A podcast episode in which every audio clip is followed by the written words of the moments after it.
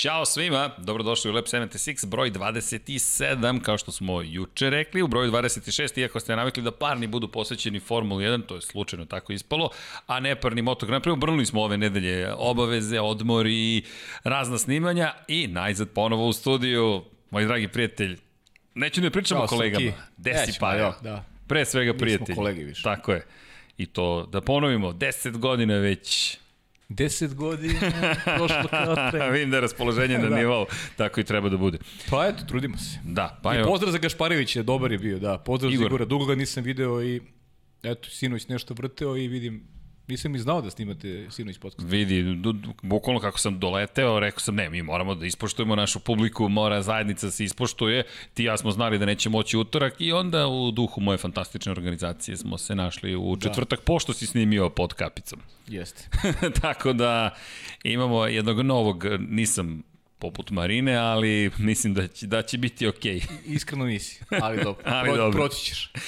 U svakom slučaju, danas pričamo o Formuli 1 i malo se šalimo, ali kao da smo imali dojavu, uslovno rečeno. Prva vest jeste, iako je prošla velika da. nagrada Belgije, jedna od tvojih omiljenih stazi generalno u šampionatu sveta najvažnijih trka i dolazi velika nagrada Italije i ta trka u Monci. Claire Williams je saopštila da se porodica Williams povlači iz tima i Formule 1. Pavle, evo ovdje imamo neke od autobiografije, samo dela ljudi koji su vozili za njih.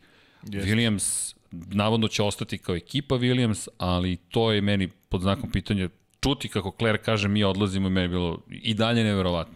Bez obzira što je možda očekivano. Pa znaš kako, e, e, sad na, na kraju si rekao pravu stvar, možda je bilo očekivano zaista, s obzirom da, da nisu više u vlasničkoj strukturi, sviđa mi se rezon novih vlasnika da zadrže ime, da zadrže ime šasije, da, znaš, sve je to nešto što je istorijsko nasledđe i mislim da da treba tako i da rade, da treba tako da se ponašaju, ali e, mislim da je realno da ih, da ih više nema u upravljačkoj strukturi, da, da, da se ne pitaju, jer prošlo je vreme Sir Franka Williamsa, Claire je opet s druge strane, koliko god da smo mi negde sentimentalno vezani za, za ime Williams, Claire nije bila spremna i sposobna da vodi tako jedan veliki projekat, da budemo do kraja iskreni. Tako da, ne čudi me zaista, ali opet s druge strane, ti ja, pogotovo i stari ljubitelji Formule 1, imaju taj neki sentiment. A to je neka je stara ljubav. Stara ljubav Williams, koji je zaista kultna ekipa, podario mnogo šampiona, uvijek ćemo se rado osjećati cele priče i volo bi zbog tog istorijskog nasledđa da, da Williams zaista sačuva to ime, znaš, da, da, da sačuva a, nešto, što, nešto što su onako generacije gradile a, e, kroz poznaju Formule 1, kroz a, E, kroz ljubav koju su stekli prema tom sportu, e, sve one lepe stvari koje pre svega pamtimo, neko čovjek po logici stvari potiskuje ono, ono, što, ono što nije dobro, pa Tako mi potiskujemo te neke momente kada Williams nije bio na nivou onih pravih velikih rezultata, već ćemo zaovek pamtiti ono što je pozitiva kod Williamsa, Sir Franka Williamsa u najboljim danima, uh, istorijske Patrika borbe, Patrika Adriana Newey, Adrian Newey, ma mislim to je srđene jedno, jedno 16 sati mogli da, da, da, da pričamo isključivo o Williamsu. Od, pa, bukvalno 16 sati. Evo i gledamo malo statistiku šta se sve događalo tokom, tokom, tokom istorije, šta su sve postigli. Da sedneš i ovako pogledaš za veliku nagradu Belgije, 1051. trku u istoriji Formule 1. Da pogledaš, Williams 114 pobjeda. Pazi, preko 10 pobjeda, od 100 pobjeda je pripalo ekipi Williamsa. Ono što je međutim problem, i inače nismo ni pričali, a delimo mišljenja, da samo bih par stvari. Claire Williams, pozabavit se tom temom, ja zaista mislim da nije bila na taj kalibar. Taj kalibar da se u jednoj novoj konstelaciji stvari, a i u staroj pitanje da li bi uspela. A mislim i u staroj. Jednostavno, koliko god je lepo videti prezime Williams i videti pa i žensko kako upravlja, ženu kako jeste u jednom muškom de facto sportu, na takvoj moćnoj poziciji bori se, ali ovo nema veze sa polovima. Ovo nema veze ne, da li ste muško ili žensko. Pa to... Prosto nije bila ta ikula. Nije, pa to ti je, znaš, i, i nasljeđe svake porodice, znaš, ono, to, kad pogledaš, recimo, pogledam moju, to što je moj otac bio uspešan nečemu, ne znači da ja mogu da budem uspešan u, u toj oblasti koju on bio, znaš. Jasno. To isto, isto tako gledaš i ti, znaš, mislim, tvoj otac je bio uspešan u jednom segmentu, ti si sad u nekom drugom, mislim, to je nešto što je Koliko popularno. se on nije ni dotakao nikada. Nije se ni dotakao, tako je, a, a, a negde smo podrazumevali da Claire može da bude podjednako dobra kao, da. kao, kao Sir Frank. Međutim, to se nije dogodilo. Williams je, nije, se, nije se prosto snašla u toj nekoj konstelaciji snaga i, i Williams se baš dotakao dno. Ulazimo u neko, neko novo poglavlje i kažem, ono jedino što bih volao da zaista, kao što su obećali američki investitori, da, da i dalje sačuvaju to ime Williamsa, da se te neke prepoznatljive boje e, sačuvaju takođe, jer, jer misli da bi i njima bilo u interesu da, to sam da, da, da, ti da kažem. ostane. Mislim da je njima u interesu. A, ajmo ovako, često ti ja pobrkamo, pa i Kimi Rikonen. Dakle, Force da. India, Racing Point. Koliko Just. god Racing Point gradio svoju robnu marku, taj čuveni brand, Force India u tome već uspela i sad možda ne želite više da pričate Force India je bila pokazatelj koliko Indija kao jedna država, kao podkontinent može da postigne, ali je prevazišla čak i to. Force India je postao sinonim prosto, to je jedna ekipa za koju računamo. Sad Racing Point, nikako da uhvatimo taj Racing Point, nekako to nije to. Sad zamisli da. Williams se sutra zove ne znam, evo ovde imamo milion nekih Schubert, na primjer, to je proizvođač kaciga. I sad pa, jednom, pa čekaj, šta je sad to? A, a znaš kako, Srki, uh, Racing Point, uh, Force India, znaš, nekako i možemo da prihvatimo. Znaš koji je level ovo? Sutra Ferrari, da se ne zove Ferrari, da se zove, McLaren. ne znam, da se zove, nemam pojma, neki, po, po, po nekom investitoru, mislim, to nije to jednostavno. Znaš. Slažem se, Force India čak i to. nije dobro poređenje. Nije dobro poređenje. O, McLaren bi bilo... McLaren, Williams, Ferrari, to su te tri kultne ekipe koje koje su tu onako postavljene, pozicionirane već unazad 50 godina jače i mislim da to nema svrhu menjati, samo bi izgubili bi podršku, rekao bih, ovi novi pa, investitori kada bi kada bi promenili ime, znaš. To ne možeš da kupiš. To ne možeš ne da može kupiš. Da kupi, dakle, ne. ako pogledaš ovaj Williams, osnov 1977. godine. Dakle, 1977. godine je osnovan. To je drugi Williams. Postoje već jedan pre toga, pa su Frank, Sim Frank Williams i, Patri, no, i Patrick Head osnovali 50, novi. Pre 50 godina, 53 godine. 43, čekaj. 43, čekaj, izvini, nemoj, da, 77, čekaj, sad, izvini, sad, izvini, 77, da. Čekaj, polako, pa. Otišao sam na 67. Doći ćemo da, i tamo, da, izvini, polako. Da. Ali, ali činjenica, to je pet skoro decenija. Skoro pet decenija, I, I mi da. govorimo o timu koji, kada pogledaš, preko 100 pobjeda imaš u, u Formuli 1. Međutim, gde je problem? I, ali ajde da za, ajde ovu temu samo. Uh mhm. -huh. Mislim da je ispravno da zadrže, slažem se s tom. I Williams, sa tim možeš da se poistovetiš. U to možeš da gledaš na jedan poseban način. Kažeš, ej, to su oni ljudi što su osvajali titule, to su ljudi koji su proizveli neke od najboljih, ako ne jedan od najboljih bolida svih vremena, čuveni F14B. FW14. Znaš kako, Srki, to je, to je dobro i poslovan potez, znaš. Jeste. Ti si negdje naslednik onoga što je, što je Jesi. I, istorija Williamsa, znaš. Ti, ti zadržavaš to ime i, i, i samo, samo ideš dalje, znaš. Nisu više isti, nema više Sir Franka, nema više Claire Williams, ali ti si zadržao to neko nasledđe koje Williams ima. Yes. I samim e, tim i neka tvoja poslovna strategija i neka budućnost je, je, je perspektivnija, znaš. Ovako kad krećeš od nule, kupujem kačket sve... na kome piše Williams, to da. je ipak nešto drugo. Ne, to mnogo znači. A šta kupujem? Ja sam više, ja sam više zaborio kako se zove ta, ta, ta kompanija američka. Pa oni su Dor, Dorlington Capital. Dorlington, e, Dorlington Capital. I sad ti trebaš iz toga šta da izvedeš neko ime. Sad treba se zove ekipa Dorlington Capital. ne, naravno da ne. Ali to je to investicioni fond, ali slažem se. Čak i da kažu mi ćemo da imamo svoju Grand Prix ekipu, zovemo se Dorlington. Da. Za koga navijaš za Dorilton? Za Dorilton, da. Šta su osvojili? Pa to je novi tim koji je nastao zapravo iz Williamsa. Ovo je, o, to je, I to nam jeste glavna tema. Pričat ćemo i o Hamiltonu, Lewisu Hamiltonu, njegove pobedi u Belgiji, o problemima Ferrari, o tome da se bližimo istorijskom momentu za Mercedes i za Lewisa Hamiltona, ali odlazak Williams je zaista tektonska promjena. Odjednom da ovo će inače biti velika nagrada Italije. Sada u Monci će biti poslednja trka za Claire Williams na poziciji šefa ekipe. Verovatno će dolaziti povremeno kao gost. Ne smem ni da zamislim njene emocije koja je kao klinka rasla u Formuli 1 koja neće moći više da dođe kao neko ko je sastavni deo tog tima.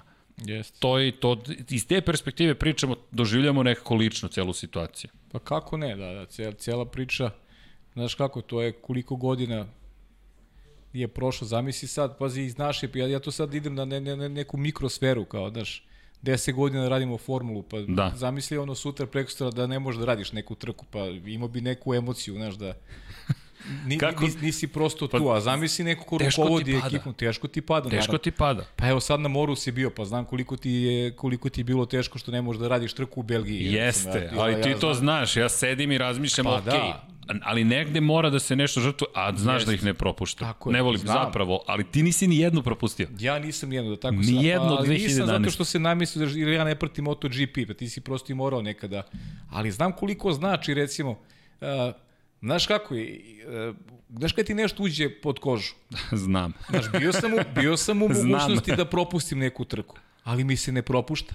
Da. Razumeš? Znači, ne propušta mi se, tu sam ušlo ti nešto pod krvi i ne propušta ti se trka, znaš. Igor je juče spominjao, kaže, imate to važno, vikend je za trkanje, ide da, zahtev, znam, zahtev znam, za da. posao bio vikendi su moja stvar i da se odmori planiraju, pa i venčanja i sve se planira da li ideš nekome u skladu sa kalendarom. Tako Mhm. i ti i ja znamo već kako objave kalendar, dobro, ove godine se sve promenilo, ali kada se objavi kalendar, aha, već znam sledeće godine kad mogu, kad ne mogu. Pa da, mislim, sve ti isprogramirano, znaš, malo, sad je ove godine malo pomerano, jer Da. Zbog covid i cele priče, on, ali u principu ti ja znamo avgust mesec da je avgust imaš lufta u principu, ali sada To, to. sada nema Juriš. ni avgust, sada nešto hvataš neke dane slobodne u pauzi među trk. Pa, A sad kraja pričamo, zašto smo, preneli, zašto smo preneli na ličnu perspektivu? Pa zato što mož, možemo da zamislimo kako je je. koja je rasla uz to. Znači, njoj je sigurno i teže, imala je u rukama. Sa jednim od najvećih vlasnika svih vremena. Tako je. Sa, Mi, sa... mi govorimo o Franku Williamsu. A pazi, kad kažemo formula, Ferrari, McLaren, Williams, to su mi prve asocijacije uvek bile i I zato i ovo jeste tema koja iziskuje malo više pažnje, zbog toga smo i otvorili ceo podcast sa, Pa sa Williamsom. sa Williamsom. Williams. Da. I sad kada se vratimo kroz istoriju i gledamo šta je bilo sve sa Williamsom i kada pogledaš prosto, kada pogledaš koliko su bili uspešni zaista, prosto je nevjerovatno gde su stigli danas. Ali Jeste. još jedan pokazatelj i kako se vremena menjaju. Kada pogledaš, jedan od komentara gledalaca je teško je sada protiv fabrika. Mercedes je tu. Dobro, Ferrari jeste isto fabrika, ima svoje probleme, pričat ćemo ozbiljne probleme. Renault je tu. Ulaze proizvođači koji su daleko, daleko veći od konstruktora u Formuli 1. Jeste. I era se zaista promenila. Ti kada pogledaš Aston Martin ulazi, dakle još jedan proizvođač automobila, stiže, sve se menja nekako, tako da ovo nekako priroda stvari. Ali negde držim, i dalje gledam u McLaren i nadam se da će... Znaš šta, Williams, Da će uspeti. Williams nije uradio dobre stvari u pozicioniranju, znaš, nisu imali taj nivo rezultata da bi naterali neku fabriku da čvrsto stane uz njih i to je ono što što je što Williams predstavlja problem prethodnih godina, znaš, kao, kao što je Red Bull e, imao uvek jasne signale da je mogo negde da se okrene. Kogoda Mercedes i Ferrari nisu htjeli da rade sa njima, što je logično, ali uvek je postojala neka alternativa. Znaš, da li je to Renault, da li je to Honda kasnije. Znaš, imali su rukama jake dute, Jesu. poput Adriana Njuija, Kristijana Hornera, Helmuta I Marka. budžete da prežive. Budžete, naravno, da prežive, to su mnogo bitne stavke, a Williams se sve to vremenom gubio. Gubio i budžete, gubio i dobru organizaciju, gubio kvalitetne ljude koji su, koji su pravili šasiju i dovodili Williams do, do, do Pa i percepcije. Menadžment takođe. Adam Park koji se zamerio Bernie Ecclestonu, pa izletao iz. Formula 1. Pa pazi, to je bila priča da, da, da iza cele strukture stoji Bernie Eccleston, što su demantovali Claire Williams i, eki, eto, ta- tada smo verili da će Claire ostati zaista unutra, da će Williams i ostati unutra. Oni su čvrsto demantovali da Bernie Eccleston stoji iza, iza američkog investicionog fonda. Tako da, eto, i to je bila neka, neka, neka priča da Bernie možda stoji iza... Još ne znamo ne baš, znamo, ne znamo. On, oni su to demantovali, a ko zna. Pa možda. znam, ali i Claire je rekla koliko, 100 puta Williams nije na prodaju, nikad ga nećemo prodati. Tako je, da. A ove godine je tek počela priča o razgovoru sa Jeste. investicijnim fondovima, bilo je više kao Što COVID, grupacija zainteresovanih. što da. neki drugi stvari. Ali znaš šta je to meni zbunjujuće? Pričali smo dosta prošle godine o Rokitu, koji se pojavio kao neka vrsta spasonosnog investitora. I ako pogledamo Rokit koji, koji, koji nam je otvorio vrata, moram priznati da sad iz ove perspektive tek, tek sam sad svestan, do, dobio sam tu priliku da, da, da vidim Williams iznutra, Rokić je kao glavni sponsor bukvalno otvorio vrata, vidiš kako to funkcioniše, vidiš Rocket, vidiš sada bolid koji je razvijan u tom periodu, koji je mnogo brže u Belgiji, 2,5 sekunde skoro po krugu je bio brži, šteta za incident Russellov, George Russell, Da. ko zna šta je mogo da postigne. Ne verujem po ene nužno, ali opet bi bila lepa trka. I odjednom gledaš sada razlaz od glavnog sponzora pred početak sezone, pre nego što uopšte krenula priča, dakle, COVID problemi su još nisu nastupili, bar nismo bili svesni razmera koji će biti, ti napuštaš tu saradnju, dolazi COVID kriza, međutim sledeće godine ćeš imati ograničene budžete, sledeće godine ti imaš prvi put u sezoni da kapiraš budžete, da da su ograničeni, a Claire je govorila to je ta godina koju čekamo samo da preživimo do te sezone, do 2021. pa 2022. sa novim bolidima i to se na kraju ipak nije desilo. Kao u poslednjem trenutku su ostali bez daha. Da. Znaš, meni je to... Tako. Da, zaista mi je, žao mi je, zaista mi je žao, ali dalje ono što si rekao lepo na početku, slažem se s tom Claire Williams, prosto nije bila dorasla tome. Pa to je suština cele priče, da tu je negde Williams izgubio priključak sa timovima srednje kategorije, krenuo na dole, rezultati su vrlo loši, nema interesa sponzora, znaš, kad si, kad si loš, prosto niko te neće. Neće te niko. Bukvalno te niko neće. I onda ideš još gore, samo ideš, samo, samo toneš. Da. I znaš šta meni sad pada na pamet? George Russell. Claire je bila ta koja je povukla potez da ga zadrži u timu, koji sad ide u tim koji ne zna ni šta će biti. Koji će to tim biti? Mada, kada ako gledaš, ako prodaješ ekipu, imaš George Russella pod ugovorom, to ti povećava vrednost u prodaji. Vrlo, vrlo zanimljivo. Kad nisi, znaš, ono, kad nemaš ovaj priliku da, da si budžetski sposoban, ne možeš ništa. Znaš kako kaže ovaj, ona stara, nije lepo izrekali, kad nemaš pare, ni mama te ne voli.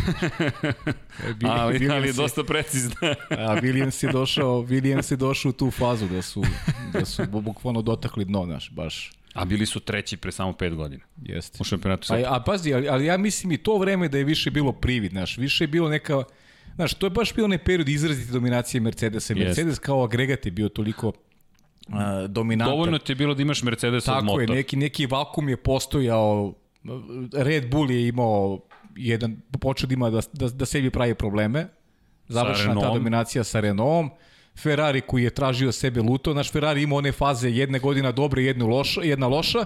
I neko Williams se u taj vakum iskoristio sa Mercedesom i agregatom da pogotovo na tim pravim trkačkim stazama da dođe do nekih podijuma, do nekih yes. rezultata koji su bili u stvari jedna varka i tu se tim uljuljkao, nije radio ništa a, na, da kažem, na dizajnu, na, na aerodinamici, već su se isključivo fokusirali na Mercedes kao agregat, koristili neke pogodnosti i kad je sve splaslo, potpuno su se to. ugasili. Zanimljivo, sad vraća se danas, pošto stalno dobijamo i hvala još jednom pozdrav svima, i gledateljki, od gledalaca informacije i ako nešto ne stignemo, ne brinite, doći će do nas. Elem, hvala.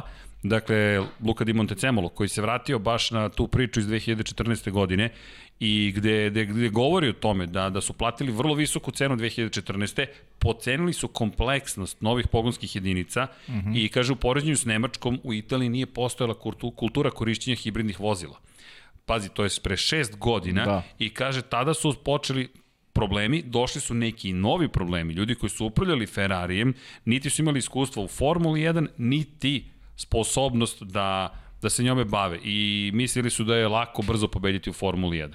Pa onda priča o tom kompletnom dovođenju ljudi iz zapravo saobraćajnog programa, dakle programa koji nije trkački, koji zapravo dovodi do toga da ti plaćaš visoke cene. I to je taj period o kojem pričaš. Ferrari je na pogrešnom putu, Renault je na pogrešnom putu, Honda tek treba da dođe, još nije ni stigla. Honda nije ni stigla, tada nije, bilo ni, nije bilo ni razmatranju da će doći. To su pregovori bili sa Ronom Denisom, tek onda počinje da se potpisuje ugovor, pa me otvara priča s McLarenom i Mercedes koji je ultra dominantan i koji je dobro lobirao tada, dakle koji je izlobirao da se promeni Dakle, priča o raznim motorima, V4, V8, pa na kraju smo dobili V6. Mercedes je bio zadovoljan, već tada bio snažniji. Pa tada, tada Zauber da je koristio Mercedes i i borio bi se za podijum. Vrlo verovatno. U te, te da, godine, da, vrlo tada 100% bi se borili za podijum, sigurno. Da, to je, to je baš bila jedna ozbiljna sezona. Pa u McLaren je tada sa Mercedesom i motorom poslednji put imao do prethodne godine i pobednička postava. Tako je. U svakom slučaju, pa mi ostado smo bez Williamsa. Mi smo pa se... ostado smo bez, bez, bez porodice, porodice, bez da. porodice Williamsa. Pa. Williams će smo rekli? nadam se. Da, imamo, imamo delove. Da. Delove. Ostaće deli. Iz, da, Osta, bu, ostali buku. dugmići, ostali su dugmići. Da, to smo spominjali na početku kad smo počeli da snimamo u studiju. Jeste, ba i prvom baš da. formula podcastu. I smo pričali o tome. Jeste. Neverovatno. Baš neverovatno. Neverovatno, ali to je, to je deo Formule 1, stvari se menjaju, idemo dalje. To deo i poslovne neke, da kažem, strukture i svega onog što se dešava Ali koliko svetu. je važno da imaš pravog čoveka na pravom mestu, pogotovo u menadžmentu. U svim segmentima, koliko naravno. Koliko je menadžment važan? Pa ljudi koliko su važni. Ljudi koliko Absolutno su odabir, pa odabir ljudi je, je jako važan. Pravi čovek na pravom mestu. To je zlatna poslovica i i Montecemolo, izvini, kaže ne za... bih širio temu. Ali to je to, kaže za Jamesa ja. Ellisona, jedno, jedan od ljudi koji nije trebalo da ode iz Ferrarija. A dozvoljeno je da ode. U svakom slučaju, Ellison koji sada uživa u Mercedesu. I to ne da uživa, nego zaista uživa. Pa do, Ferrari mnogo pogrešnih poteza po Da ne pričamo tek u Williamsu, šta je sve Williams izgubio i prošle godine Jest. samo Dirka Debera i ekipu koja je otišla. Svi su otišli.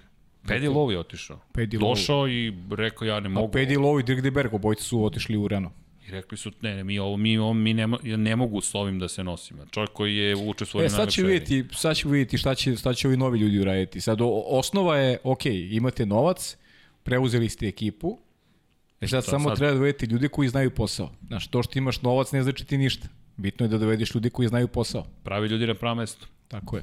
Ok, to da uložiš čekam. ta sredstva na pravi način, da, da, da ih upotrebiš tako što ćeš da platiš ljude koji znaju, koji imaju iskustva, imaju znanja i da oni podignu ekipu iz ovog jednog mračnog perioda u kome se Williams nalazi. To je sada ključna stvar. Ja se nadam, ne poznajemo ti ljudi, ne znamo ko su. Vidjet ćemo. ja lično ne znam ko su. I čekamo samo prve rezultate da vidimo da li će ekipa na... Na, na, na šta je njihova dobra polazna osnova? Što gore od ovog ne može. Dobro, to Znaš, je to je ne, gore od ovog ne može. I, i sada, tako je, i sada praviti neke onako sitne pomake, ključno je naravno 2022. godina. I do tada Williams mora da se pozicionira na pravi način kako bi ušao u trku sa, sa ekipama koje ostaju. O, o, ono što je opet bitno, Srđan je vrlo važno za, za reći, potpisali, svi su potpisali Concord ugovore, dakle i Mercedes je potpisao. Znamo sve ekipe koji će biti učesnici do 2025. u šampionatu. Dakle, ostaće i Haas, bilo je sporno i za Haas, šta će se događati, dakle, o, ove ekipe ostaju u šampionatu. Sa kakvom upravljačkom strukturom, to možda se menja, ali su imaju svoje mesto 2025. godine, povoljniji su ti neki finansijski e, uslovi, bit će onako jasnija raspodela novca, više će dobijati ti manji timovi, što je dobro svakako i mislim da u tom pogledu je napravljen dobar posao kada govorimo o Concord ugovorima. E, sad ne pričamo samo o Williamsu, nego pogotovo svim ovim ekipama srednje kategorije koje su imale onako dosta e, kritički nastrojen, straj, na, nastrojen stav kada, kada govorimo o raspodeli novca. E pa, ajmo ovako, evo zanimljivo je, dakle, m, koje su veze? Pričamo o ljudima. Već je saopšteno, dakle, prema pisanju motorsport.com, to je, evo, bukvalno malo pre nego što smo počeli da snimamo, dakle, dolaze informacije, novi bord direktora, Dakle, Matthew Savage, koji je predsedavajući zapravo Dorilton Kapitala, mhm. -huh. Darren Faltz, koji je izvršni direktor investicionog fonda, Obojica su inače služili kod Rothschilda, kod Rothschildove porodice, zatim osnovali su Dorilton 2009. godine i pazi sad, ovo, ovo je meni zanimljivo. James Matthews, je, koji je inače izvršni direktor Eden Rock grupacije, će im se pridružiti u bordu direktora. Sad, zašto je James Matthews toliko važan? Dakle, govorimo o čoveku koji se bavio trkama, on je 75. godište, ali njegova supruga zapravo je Pipa Middleton. Sad, Pipa Middleton, koja opet ima veze, jel te, sa Middletonovom porodicom, pa onda da. imaš veze sa celom britanskom, na neki način, kraljevskom, kraljevskom porodicom. porodicom pa da. I ti sad odjednom otvaraš kraljevsku porodicu, de facto, kroz američki kapital, I to je, dakle, opet neko ozbiljno nasledđe koje, koje, koje se pojavljuje. Pričao je Zoran Živko prošli put, to mi je žao što nisi vi, ali dobro, bio si na odmoru, biće, doći će nam ponovo, pa, jedno čekam. Da, da, Nekako bez tebe mi je bilo čudno, moram da ti priznam, nekako nije to pa, baš da, jedan podcast. malo se regener, nisam bio u gradu, tako da... Ne, ne, oboj, pa obojice smo morali. Bukvalno morali. Um, umor stigo plave. ali, ali da, prijelo je. U svakom slučaju, španska hranjska porodica mm -hmm. je učestvovala kada je reč o Alonsu i generalno je vrlo aktivna. Biće aktivna, vero, pretpostavlja se kod Carlosa Sainca. I sada dobijamo britansku kraljevsku porodicu, dobijamo jednu novu grupu ljudi koja upravlja. Uh, I čekamo, ajde čekamo, ono što samo se nadam da će učiniti s obzirom da eto Matthews daje tu neku vezu sa, sa trkanjem, dakle nadamo se da će dovesti ljude koji mogu da se snađu u, u Pirana klubu, vraćena nam je knjiga, iako nije naša na pozimici, ali to je negde sad Pirana klub, eno ga Pirana klub, dakle zaista je klub Pirana, mi ih zovemo Ajkule, ali tu nema šale. Dakle, da bi igrao među njima, pa evo, po, možemo da vidimo koji se potezi povlače. Mercedes će uložiti žalbu ovde, Renault ovde, pa će Renault da povuče žalbu, pa će Racing Point da bude kažnjen, pa mali malo drugačije nego što bi inače. Treba da se potpiše Concord, ne znamo šta je sve ušlo u Concord. Dobro, biće potpuno vremena malo da se Williamsu, no, novim ljudima iz Williamsa da. da, da uđu u te političke igre. Mislim, lepo si rekao koliko naš kraljevska porodica, ima tu Vidi, nije to naivna sekvenci. priča. Ne da nije je. naivna i, i, i super je što je tako, kako bih ti rekao. Super je da, da, da Williams e, postane opet značajan faktor u Formuli 1. Jer Ja bih volao. automatski podiže interesovanje i za sport i treba nam ta izjednačena konkurencija, treba da se vrati vera, mislim, mi verujemo, mi volimo, nije to sporno i svi vi koji prate volite, ali ruku na srce, evo Belgija, da budem iskren, znaš, Kakav ti ra- utisak radi- posle Belgije? Pa mislim, znaš, onako, bilo mi prilično dosadno, znaš. Bio neki komentar, skoro mi neko, juče mi neko rekao, na, na, bio sam na, na sport klubu, počela ova hokejaška sezona, pa mi ne znam ko mi je rekao da, da je bio komentar, kaže komentator se, pohvali komentatoru, trudio se da napravi od trke sportski događaj. Znaš. Uh, to su baš teške reči. Da, pa, ali, ali stvarno je bila dosadna trka. Ajde budemo iskreni, znači mi, ovo, mi svi ovo volimo i zato pričamo iskreno o tome, ne, ne, ne uvijamo ništa u oblande. Nema razloga to da radimo, ali znaš, kad ti neko dominira od prvog do posljednjeg kruga, ne može da ti bude interesantno.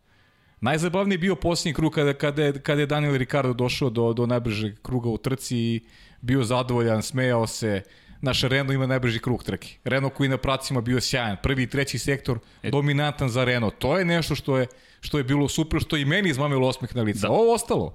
Od prvog do posljednjeg kruga srđine mate da nemaš obilaženje na stazi. Po, pobrinuo se Pierre Gassi da nam pri, pri, priušti to zabavu. To da ti kažem nekako, ima uvek, a i meni ima, ima par zanimljivih priča. Ja sam sad, prvi, nije prvi put, ali prošli put sam silom prilika, sad, sad sam čak i bio zdrav, odmoran, da. sedim i posmatram i razmišljam, malo drugačije posmatram. Da, prošli put sam ovo izgoreo. Dakle, nisam mogao da izdržim, sedim u krevetu, odležim zapravo, nisam sedeo i, i, i ne smem da komentarišem. Sad opet, ovo je bilo naređenje, ali znaš, razmišljam sam o tebi i razmišljam, Renault je četvrti i peti i rekao, ovde će, ovo, je, ovo nisam mogao da te čujem, dakle, da. sticam okolnosti, ali sam pratio i razmišljam, pa ja mora da uživa u ovome Renault koji je četvrti i peti i sad, ne, najbrži jes, krug. jesam, zaista sam ja, ka kažem ti, verujem u taj projekat Renault, ali, znaš, ne može to da poništi ono što je trka, što je Jasne. 44, što su 44 pazi, kruga, znaš. Mislim. A pazi tu ironiju, Lewis Hamilton će uskoro biti najuspešniji vozač svih vremena. Svih vremena, dakle, govorimo pred, pred, vidi, sad samo, sad nije ni pitanje da li će ove godine, sigurno je. Dakle, ta 91 pobjeda da. koja je delovala tako nestvarno. To, o tome smo pričali pred početak. Evo, 2006. možemo da kažemo se završio taj period uspeha Mihaela Šumahira. I ti sad dolaziš 14 godina kasnije i gledaš demonstraciju sile. Juče sam izgovorio da, da moram da promenim ploču i, i da počnem da hvalim Mercedes i Hamilton na jedan drugi način. Oni sada demonstriraju silu. Ovo je demonstracija sile. Ja sam ubeđen da to što su ih Max Verstappen i Red Bull pobedili u Silverstonu im ne prija. I da žele da do kraja sezone pobede na svim trkama. Da je, da je to cilj, jer koje mi je razmišljanje? kada se zna već ko će pobediti, kada se zna ko će biti drugi, kada se zna ko će biti treći, Mo, neko, nešto moraš da uradiš. Moj utisak je da što se njih tiče, će to biti demonstracija sile. Dakle, da će to biti pobeda, pobeda, pobeda, pobeda, pobeda, pobeda, pobeda, kako bi, ne mogu kažem da ovo nije legitimno, apsolutno je legitimno sve što će postići, ali kako bi istorijski legitimitet nekako sve to dobilo. Jer Lewis Hamilton je na nezahvalnoj poziciji. Biće sedmostruki šampion sveta. Iznenadit će se s Mihaelom Schumacherom. Imaće više pobjeda od Schumachera. Sigurno, da. A emocija koja se budi nije na tom nivou kada je Schumacher to postizao. Dakle, nekako kao da je bez borbe. Što nije krivica ni Mercedesa ni Hamiltona. Nije, nije, ali, ali, ali ne, ne smemo to da, da, da zaobiđemo kao ne bežimo temu. prosto. kako, mislim, Lewis Hamilton zasluži jednu posebnu emisiju i Apsolutno. pričali smo ti ja, moment kada se budu dogodili ti rekordi, mi ćemo posvetiti isključivo Luisu Samo Hamiltonu Luisu i nema, nema, ništa nema sporno, jer to je istorija. I te, te neke istorijske brojke niko ne može da poništi. Ne. Ali ono što je moj utisak zaista da, da znaš, sad porediti Luisa Hamiltona sa velikanima iz nekog drugog perioda, ja to ne mogu da uradim, iskreno, zato što pamtim neka drugačija vremena, znači imam tu privilegiju ili ne, imam te godine u stvari, koje mi omogućuju da pamtim neka druga vremena i niko na ovakav način nije dolazio do titula kao Lewis Hamilton, znaš, ovo je mašina igra ogroman uticaj, uticaj na, baš ogroman uticaj igra na, na, na sve ovo što, što radi Lewis Hamilton. Konkurencija često ne postoji. Konkurencija je samom sebi, bukvalno. Znači, pa ne, ne postoji nema, ni sa Valterim Bottasom. Ne, da, nema, Sad to nema u garaži da nema, pa evo, seti, si sećaš, ne znam li si čuo komunikaciju? Vidio si. Vidio si. Sve Ajmo da, po, da ponovimo, dakle, samo za oni koji nisu slučajno pratili. Pa i, i to je, pazi, to je početak trke. Tako je. to je neki treći, recimo četvrti krug, sada sam zaboravio, ja sam bio u šoku kad sam to čuo. Valtteri Bottas koji dobija poruku, pa imam još snage, a nećemo to da koristimo jedni protiv drugih. Ne, ne, dogo, a to smo se dogovorili. Smo a ja se nećem da smo se Ja to se nećem da dogovorili. smo se dogovorili, ali pazi sad ovo, ali to važi za njega. Kada se obrne uloga, to ne važi više. Pa onda čak posle, ko- znako Martin Brandali pričao s njim nakon trke. Isto je rekao, onako u smešak, jedan kisel je rekao, ja se... Još smešnije mi je bilo. Mo, možda su mi to i rekli zaista, ali ja se toga ne sjećam. Možda su mi to i rekli zaista, ali ja se toga ne sjećam. Vidi, ne želim, Znaš, to je- nisam, ne, pris, ne prisustujem tu razgovor, ali izmeni, to je kao manipulacija u psihologiji. To je klasičan primjer, ma, uzmeš Bukvalno. poglavlje manipulacija. Manipulacija, ali, ali koju on, Valtteri Bottas, prihvata, apsolutno. Znaš, on, on tu pokušava da balansira, da, da ne bude neko ko štrči. Znaš, kao, ok, meni je možda tim stvarno rekao. A Znaš, znam, ali jer, jer, je- meni, jer meni te ugovor važan. Ja ću da kažem, ok, da. rekli su mi. Ja nisam to čuo, ali ja ću da kažem da su mi rekli. Ja ne znam za taj dogovor, E, to, to, to, I izletao sam se tokom trke i rekao ja to ne znam, ali ću posle toga da ublažim da kažem ok, možda su mi stvarno rekli, ali ja se toga ne sjećam. Znači, to je, stvarno je degutantno, meni degutantno. Znači, pa. I onda pričamo, i onda je nasleđe cele priče je dominacija Luisa Hamiltona. Pazite, ja u poslije vreme sam dobio neke kritike, nekoliko, onako javili su mi se neki drugari koje dugo nisam čuo. Što ti ne voliš Luisa Hamiltona? Ne, ja, ja, ja nemam šta da ga volim i da ga ne volim. Luis Hamilton govori sve o sebi dovoljno.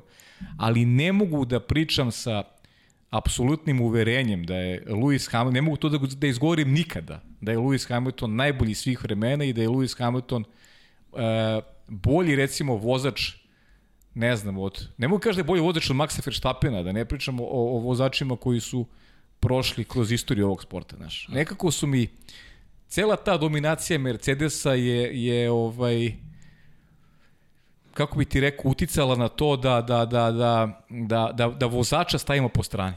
Znaš, negde, se, ne, ne, negde je Mercedes. Mer- Mercedes je taj koji je zvezda, u stvari. Pa Mercedes jeste, je zvezda. jeste. Mercedes je zvezda. Na, e, sjajnija je, ironije da, da je zvezda znak Mercedesov, ali jeste. sjajnija je gotovo od onoga što radi Lewis Hamilton. Tako je. On, on je mečki znak. Mečki znak je ovaj, je, je obeležje, tako nema je. auta bez nišana. Tako je, da, da, da. Ljubitelji Mercedesa da. znaju o čemu da, govorimo. Da. I da i ono, Za one malo starije. Mu, e, muškarac bez stomaka kao mečka bez znaka. da, da, bolji si od mene. Da, da, ma, ma, pa sam fantastično izgledamo. Ali dobro, pozabavit ćemo se tim vežbama. Pa da. Evo, e, jao, de, Šta da ovo? znaš, drinking game, da, ne sam da spomenem ime gospodinovo, inače na Twitteru je osvanulo da se uvodi igra ko gleda Lab 76, kad god spomenemo vanjino ime, mora da se pije. Pijte vodu, stay hydrated, što kažu, ali da, dakle, Vanja je fit, mogo bi ovde da nam malo održi kurs. Vanja, kako- Vanja, dobro, obećali smo Vanja da će nam biti ovaj gost u podcastu. mora. Dogovorit ćemo. Znaš, ne obavezno, ali samo vidimo moment. Znaš šta mi je rekao? Patim. Ja, se Pati, zbunio. ja, što da. još nismo zvali. Ne,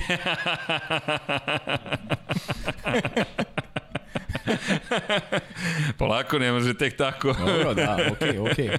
Nije, znaš šta, ne, ozbiljno, bio sam, pa prosto se zabrinuo, kaže patim. Ja rekao, što, što patiš Vanja? Zbog Ferrarija. Aha, pa dobro. Ima razloga da pati. Pa ima, naravno, Ima, svi ali vole Ferrari. mislim da to doprinosi celom tom utisku. Ferrari kao najpopularniji tim u momentu kada Mercedes, kao što si lepo rekao, zapravo je sjajnije sija od svoje glavne zvezde, od Luisa Hamiltona, da imaš, što opet ne pocenjujemo Luisa Ma, Hamiltona. posma, Meni je kako? čak žao da ti imaš Jeste, takve jeste. rezultate, takve uspehe i da se uopšte postavlja pitanje da li si najbolji, naj... Čekaj, sređene, pa To je ko smo, ko smo mi da pocenjujemo takvog, takvog vozača. to je besmisleno. Samo imamo svoje mišljenje, to, to Tako nije... je. Kad pogledaš Kako crno pocenjivanje? kvalifikacioni krug njegov. Ne pocenjujem Đovinacija, ne, A, ne Luisa je. Hamiltona. Ne, nema ni, tamo su, svi su fantastični vozači, ali pogledaš njegov kvalifikacioni krug u Belgiji, ono je savršenstvo, ono zaista jeste apsolutno savršenstvo. O, da je nešto palo, a otišla je kafa. Moja kafa Bila- je, bila jednog Vanja, jedna kafa. ja ću da očistim studio, ništa ne brini, Samo ovde sam gledao kako lagano ide. E, dobro. E, ok, nemam više kafu. Imam Baba Vanga. E, pozdrav za Marka, dakle, i Baba Vanga trofej. Bar sam zasmeo publiku. Meni je žao kafe, ali dobro. E, veruj mi meni, to, to je ta ona kafa koju želiš da popiješ. Ali dobro, za oni koji slušaju, kablom sam povukao kafu. Dobro, idemo dalje. Pogreši Opret, čovjek. Pogreši, pogreši čovjek.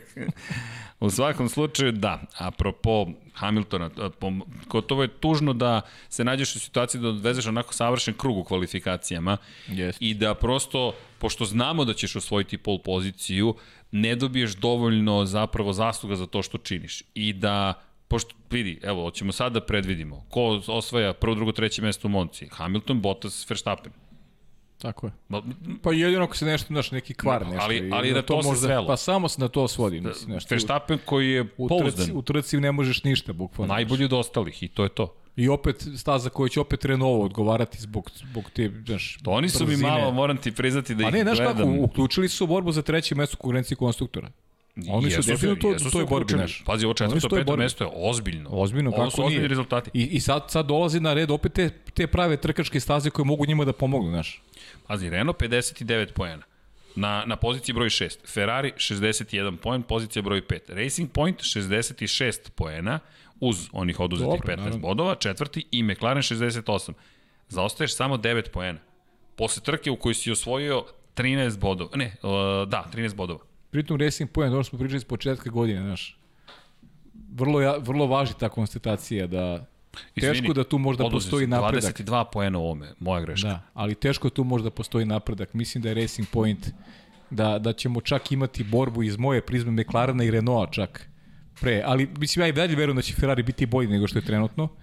Da, da čak tu Racing Pointu dajem najmanje šanse u toj borbi za treće mesto. Pa možda se dešava ono čemu smo pričali, da ćeš doći u situaciju da prosto korišćenjem starog prošlogodišnjeg bolida, bez obzira čijeg, zapravo dolaziš u situaciju da, da, da razvoj ovogodišnji ne može da te dovede na nivo na kojem su Pa ostali. mislim da se to i dešava. Jer vidi, ovo su, ovo su najbrži bolidi koji smo ikad imali u Formuli 1. Jeste. Čak i ovaj Ferrari koji je u problemu je brz. Williamsov koji je i dalje na neki način najsporiji, jedini koji nije usvojio poene. Znam, ali, ali, su, Dalje neviđeno brzo. ali su sređene frapantne one brojke iz, iz Belgije. O, razlike u odnosu na prethodnu Da su, godinu. da su svi napredovali. Osim Williams 2,4 sekunde Da. da. napredovao, a Ferrari je nazadovao za 1,3 sekunde. To je neverovatno. To je to su brojke da da neko unutar ekipe mora da kaže ljudi ovo je stvarno sramotno ja više ovo ne Vidi, mogu. ja, ali je- čitaš mi misli, Matija Binotto, šef tima, da dođe Ferrarijevog i kaže ja dajem ostavku, je. jer ja ovo ne, ne mogu da dozvolim Tako više. Ovo je sramota. Ovo, to je bukvalno sramota. Svako čovek koji drži do sebe uz takve brojke, uz takav učinak na prošloj trci, treba da kaže ljudi ja, ja nisam sposoban za ovo. Imam dosta, izvini, utisaka i sa te trke. Dakle, kao što si rekao, Hamilton, njegov kvalifikacijni krug, briljantan. Pobeda, očekivana, ok. Bottas drugo mesto, utisak je zapravo ta komunikacija. Verstappen ne bih, ne, ne znam ni koji utisak da Ne, imam. Pa on, on je sam rekao, tu smo, gde smo, I to je to. bolje nismo mogli, pokušali smo, pokliš, pokušali smo, na, nije se dobro ponašao bolje na medijuma, tu su imali problema. Da, da, da. Znaš, i onda kasnije su uspevali nešto na tvrdim gumama u početku da drže neki tempo sa Bottasom, ali to je bilo kratkog daha zaista. Ništa nije mogao Max Verstappen. Treće mesto, Cement mogu da ne vozi trku da mu daje treće mesto. Tako je. Onda pozitivni utisak, Ricardo. M najbrži krug, M četvrta pozicija, nije bio tako daleko od Verstappena na kraju trke. Okon, vrlo dobro za samu ekipu, dakle za Renault u šampionatu konstruktora, Albon i Red Bullove strategije uh, kako da budeš sporiji u trci. Ja zaista već sad stičem utisak da je sa Albonom cilj jedna od, od logičnih objašnjenja, je, ajmo, hajmo da eksperimentišemo, ne bismo li nekako uspeli da dođemo do neke bolje pozicije. Nisi, nisi, nisi gledao trku, mnogo znači, ja, ja sam se uključio, bio sam u kabini još nekih 10 minuta pred ulazka u prenos, pa sam pratio šta se Da. deša. Helmut Marko, Marko opet pored Pjera Gaslija pre početak trke. Ovo je već drugi put. Da. Da Helmut, Malko, Hel- Helmut Marko priča sa Pjerom Gaslijem. I to onako duže se zadržava u razgovoru. To... I pritom Pjer Gasli, o, jedini koji je priuštio zabavu u trci. Kako je vozio? S- strategija, tačnije, izlazak e, sigurnosnog vozila je upropastilo njegovu trku. On je jedini počeo trku na tvrdim gumama. Jeste. Jedini od svih. I pitanje, i rekao je posle trke, e, izlazak sigurnosnog vozila mi je uzelo peto mesto. A, I pa- to je 100% tačno. Znači, on bi garantovano, Pierre Gasly bi bio na petoj poziciji da nije izašlo sigurnosno vozilo na stazu. I uh, apropo trke, Lando Norris ispred, koji me oduševio isto. Lando Norris Jeste, i, i Lando je vozio sjajno. da. sjajnu trku, ali Gasly ga je zasenio time što je Alfa Tauri ponovo tako brz. I kakav oporavak Gasly, ako je prošle godine već prešao u, u, u Toro Rosso, sada Alfa Tauri, E, izvini, ali to mi je bilo suviše zabavno. Znam da I digress, što kažu naše kolege iz Engleske da. Amerike. Kimi Raikkonen, A, bravo. ja nisam primetio, iskreno, ali dojave imamo naših gledalaca, kaže, ne zna ni ko je bolid ispred, Toro Rosso, Toro Rosso ispred, sad ga pitaju kako se zovu prve tri krivine u Monci, prva, druga i treća. to samo Kimi Raikkonen, koji u Alfa, u Alfa Romeo pretekne oba Ferrarija. Oba Ferrari na stazi pretekne, da. Kako, i ta scena, ja, ja ovako sedim i tog momenta. Pa tog momenta ja da sam Mati Binotto, ja tako bi je. skinuo one slušalice i otišao bi, Bukvalno otišao bi na tribine. na- kombinezon bi skinuo i, I kažeš... i rekao doviđenja. Ja. U redu je. A, Ja ovde nemam šta više da tražim. bukvalno. Bukvalno ne slušalice MB, Matija Binotto, to je, pa inicijali su tu, skineš, kažeš ovo je Nije poslednje što imam da kažem za nije za- Formula. je. A ti sad dolaziš u Moncu, jeste da sam otvorio ozbiljnu temu, ali vratit ćemo se i na, na Gasli, ali to je moment kada ja, ja sam bio šokiran. Znaš šta je dobro za Moncu? Što neće biti publike. To je, mislim, jedino dobro za To Ferrari. je za Ferrari najvažniji najvažnija informacija je što nema publike. Jeste. Zamisli pred ono 100.000 tifoza u ovom stanju Ferrari, pa to nikada se nije dogodilo. 999. trka. 10 godina, Ferrari. 10 godina mi komentarišemo Formula 1. Ovo je sigurno najgora trka za Ferrari koju smo mi radili. Ikad. Sigurno, znači ne, nemam dilemu uopšte oko toga. Ne, da ne. ne mogu da prestignu, ja, ja mislim, ne znam da li bi kombajn mogli da prestignu na stazi, kako su bili. Ne, ono Ali bilo bukvalno, strašno. ono je jezivo. A pogled Sebastijana Fetela i Charles Leclerc na kraju, koji da. samo, ok, to, to, to je to, to je maksimum koji smo mi mogli. Charles Leclerc, a znaš koja je najjača scena? Verovatno se drugari naši u studiju koji prate redovno su to primetili. Najbolja scena je u stvari šta je Rejt izumirao. A, nešto se dogodilo na, na stazi Da li, je, da li je to kada je Kimi Rekonen prestigao Vettel, ali nešto se dogodilo na stazi, sad sam zaboravio tačno šta, ali Dobro. Dobro. neka loša situacija za Ferrari.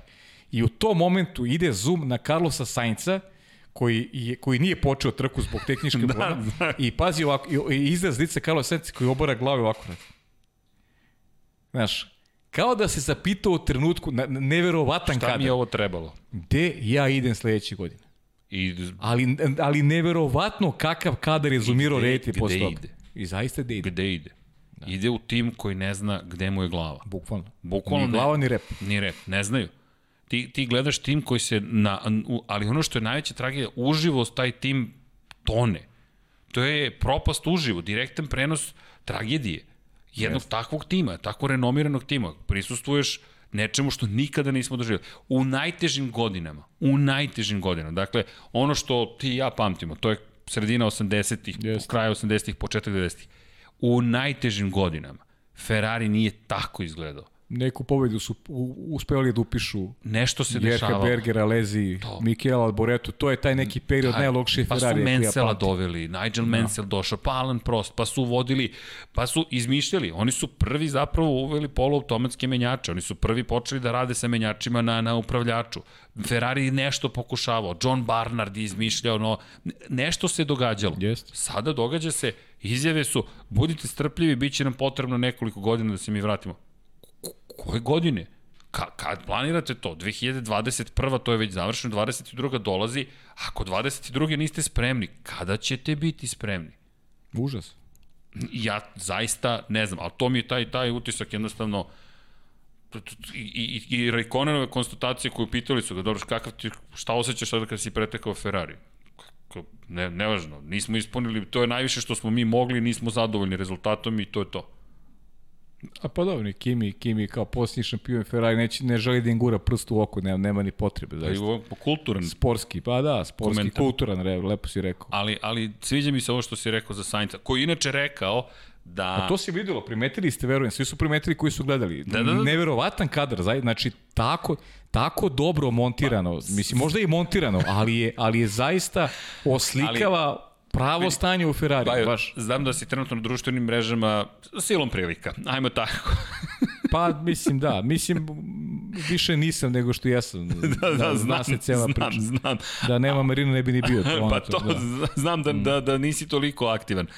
ali po društvenim mrežama te scene, Carlosa Sainca, potpisi, potpišite ovu sliku, to je jedna od većih zabava bila poslednjih, poslednje četiri dana. Da.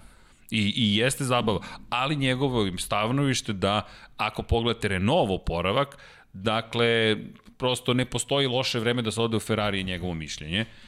Ne slažem se, postoji loše vreme da se ode u Ferrari, to je 2021. godina, ali ok, držimo palčevi i Ferrariju i njemu, pri čemu Hajde, doći ćemo i do Muđela, da, da, da, da, da ne zaboravim da zatvorimo temu. Dakle, kada je reč o Gasly, prosto mi je bio komentar Kimi koji, koji da, je da, Alfa Tauri. Dakle, Gasly koji je odvezao fantastičnu trku, Helmut Marko, dakle nisam znao za taj detalj, hvala da, ti. Da, da, opet, ovo je, ovo je drugi put ove godine da ih vidim ali, jasno u komunikaciji pre početka trke. Pogledaj ti šta rade Albonu i ne, ne pokušam da opravdam Albonu ni na koji način.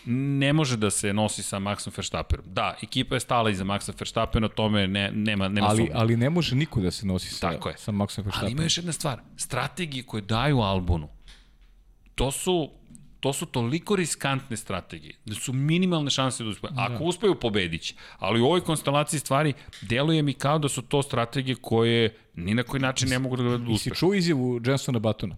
Ne. Jenson Button je rekao da a, nije video skoro da neko tako uništava timsku kolegu kao Max Verstappen još iz perioda Senije Schumacher. Da, da, da je Max Verstappen uništivač timskih kolega. I to ne samo sa, sa Albonom, nego da je to radio sa Pierom Gaslijem. Ali na kom nivou? Psihološki, vozački? E, vozački. Na tom nivou. Jasne. Vozački. Ne psihološki, nego vozački. Da je toliko bolji od timskih kolega, da je to bukvalno da njihovo uništenje. Da, da gube samopouzdanje, da je to njihovo uništenje, da oni ne mogu, da prosto ne mogu da pariraju uh, rezultatima koje ima Max Verstappen. I popuno se slažem sa Jensonom Buttonom. I to jest, i to opet se nadovezao na priču koju smo rekli. Max je zaista nenormalno talentovan vozač. Nenormalno talentovan vozač i teško je biti njegov timski kolega. Teško je pratiti to što on radi. Sad vidimo koliko je dobro vozač Daniel Ricardo. Da, sad se, dobri sad kada je ovladao Renault, I kada vladao, da, Daniel, Rika, Daniel Ricardo je sjajan vozač. Sjajan vozač, ali tu ima isto, ne znam da li je Baton, neko je rekao takođe pred posljednju trku da će, uh, da će Ricardova naredna godina biti možda i presudna u njegovoj karijeri, a propo tih ambicija koje on uvek navodi da su šampionske, jer ukoliko McLarenu uspe da se nametne kao kalibar vozača koji može da svoju šampionsku titulu, da bi mogao da usledi onda pad. A ja sam rekao možda jednom od prvih podcasta ovde, da sumnjam u odluku Daniela Ricarda, da mislim da prerano odlučio da napusti Renault i neko sve više imam utisak eh, da sam u pravu, s obzirom da Renault pokazuje ozbiljne znake napretka, da Renault ide krupnim koracima napred i mislim da opet s druge strane da je Fernando Alonso povukao dobar potez za sebe, a nisam siguran koliko je Daniel Ricardo povukao dobar potez za sebe, jer uh, više vidim da Renault možda napreduje narednih godinama nego što može McLaren. Da, ta 2022. nam je ne, ne, tolika nepoznanica da, da, Jest. da, da je teško jasnije prognozirati, ali se slažem s tobom kada gledamo kako napreduje Renault. Prosto mislim da su došli do onog čuvenog To je onaj prevoj, brdo, penješ se, penješ se, gotovo Pe, fizikalski posao. Srđene, penješ, penješ. Ne, ne smem da izgovorim do kraja šta mislim. Ne, ne mislim da mogu da budu dominantna ekipa kao što bio Mercedes, ali vidim te napretke. Šta misliš? Vidim, vidim u ljudstvu, ljude koje dovode, kako tim napreduje, koliko se u garaži angažuju. Znaš, e, čini mi se da je Fernando Alonso izabrao najbolji mogući moment za povratak u Formuli 1? Uh, evo, upravo ho hoću reći da te pitam. Dakle, da, dakle, da li misliš, da li misliš da, zapravo sad se vraćam na, na početak, na Moncu. Znaš o čemu razmišljam? Razmišljam o tome da će Daniel Ricardo možda bude treći u Monci. Ja sam ubeđen da će biti na podijumu u jednom momentu, ali mu je za to neophodno da se poklope kockice u smislu da drugima a, se nešto ovako da kažem, dogodi da ne završe trku, da ima neki tehnički kvar. Ali ja mislim da ukoliko dobro odveze kvalifikacije, da tu ima šansu. Moguće, a, gledao si trku u Belgiji. Jesam, jesam. I se sećaš borbe na početku Ricardi i Verstappena? Kako ne? Za malo da, bilo je malo pneumatiku pneumatika. Bilo je.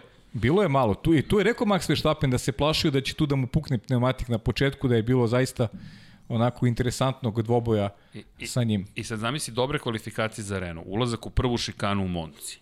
Pri čemu Ricardo i Verstappen nema tu ljubavi. Koliko god se oni šalili u privatnim da, da, šalili. I bilo, sve, da, bilo je, bilo je toga i pred Baš Belgiju. strava i tako dalje.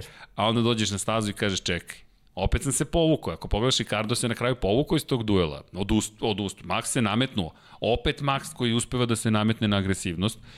I sad me zanima Monci šta će da se desi. Ne očekujem promenu na samom vrhu, možda Bottas ponovo kiksne na startu, ali verujem da Mercedes će mu omogućiti opet da se vrati u igru i da, da će imati opet dvostruku pobedu. Pogotovo što je Monca, mislim da Mercedes želi opet da demonstrira silu na, na, na da, terenu da, Ferrarija. Da, da. Da bukvalno je na nivou, ne, sad ćemo da vam pokažemo još, još jednom šta možemo da uradimo. Mislim da, to, da je to trenutno, da su to ciljevi Mercedesa. I ne pa mislim ništa loše o tome. Pa ništa, vam posle. Domini, dominirate, koristite. To nije želi što pre, mislim i Lewis Hamilton želi što pre da dođe do tih brojki, još dve pobede mu trebaju. Još dve da, pobede, pazi, on ima 89 pobeda. I ono što je ironija, pazi sad ovo, 91. bi mogao da ostvari na hiljaditoj trci Ferrarija u istoriji Formule 1. Dakle, na hiljaditom nastupu Ferrarija u istoriji Formule 1, Lewis Hamilton bi mogao da se izjednači s čovekom koji de facto najveće uspehe ostvario s Ferrari, da. s Mihaelom Schumacherom, u sred Muđela, na velikoj nagradi Toskane. Pa. Te, te, te, te, te, vidi, ne bih bio u koži Matiju Binotu. Ne bih bio u koži Matiju Binotu. Mada, mi nije mu nešto teška pozicija. Ne vidim da i kod njega traži ostavku. Pa, svi su stali iza Binota. Pozicija koju ima Matija Binoto mogli biti ja da obavljamo sada. Znaš. Da, ovo je... Ovo je bukvalno... Dosta izvesna situacija. Na, najlakši posao na svetu ima Matej Binotto. Mada kaže da je to bio izuzetak, da je Belgija izuzetak da. i da samo Budeš gumi nisu 13. funkcionisali. 14. A, a predstavljaš Ferrari, Pa, I kažeš da, je... da, e, to za gume posle, kao nije, nije samo do agregata, nego mi ne možemo da ovladamo kao gumama, kao to, je, to je nam je problem. Pošto je ukupno nula korisnika Ferrari agregata prošlo u Q3. Jeste. O čemu pričamo? Dakle, slepi smo pored očiju. To, meni, meni se to ne dopada što se niko nije suočio sa situacijom i rekao, ljudi, e, ne za tri godine, napravili smo ogromne greške pa... i i da, da uradit ćemo sve što je u našoj moći da se nešto promeni. Pa to je ono, sveđe, imaš dva puta, imaš dva puta kao i mi ovde što možemo sad kao da nešto propagiramo ono što radimo, pa kažemo I si gledao onu trku u Belgiji što je bila dobra, a? I napravimo priču da. smeša koliko je bilo da, interesantno. I se sećaš ono u 30. krugu, ono jedno obilaženje, kako je bilo uvek, dobro. Uvek ima neka priča o kojoj možemo da pričamo, ali da kažemo da je to trka koju ćemo pamtiti, teško. Teško. Ja sam je zaboravio kad sam izašao iz, iz, u stvari, iz kabine. Pamtit će se zapravo po tome, ali to je tragedija. Pazi sad, ti u odsustvu dobre konkurencije, ni tvoji rezultati, vraća se na Hamilton i Mercedes, ne mogu da dođu do izražaja. Ne mogu. Zato što te Ferrari je toliko potonuo, ti sada nemaš situacije koje si imao samo prošle godine. Te bitke koje su u jednom trenutku nastale. Ti ako pogledaš, Ferrari se borio za pobjede prošle godine u ovom periodu. Jeste. I, i imao si, i to odmah i Mercedesu daje dodat, dodatnu, dodatnu snagu. Jer onda Mercedes kaže, čekajte, nije to tako lako. Jer ovo nije lako što Mercedes radi. To sada nije, izgleda nije. lako, to vam je najveći kompliment, kad izgleda toliko lako da mislite pa ovo bih mogao i ja. Ne bih, kako, ne bih ni, mogao. Ni u jednoj oblasti, ni, ni naš, u sportu pogotovo, ni jedna dominacija nije dobra.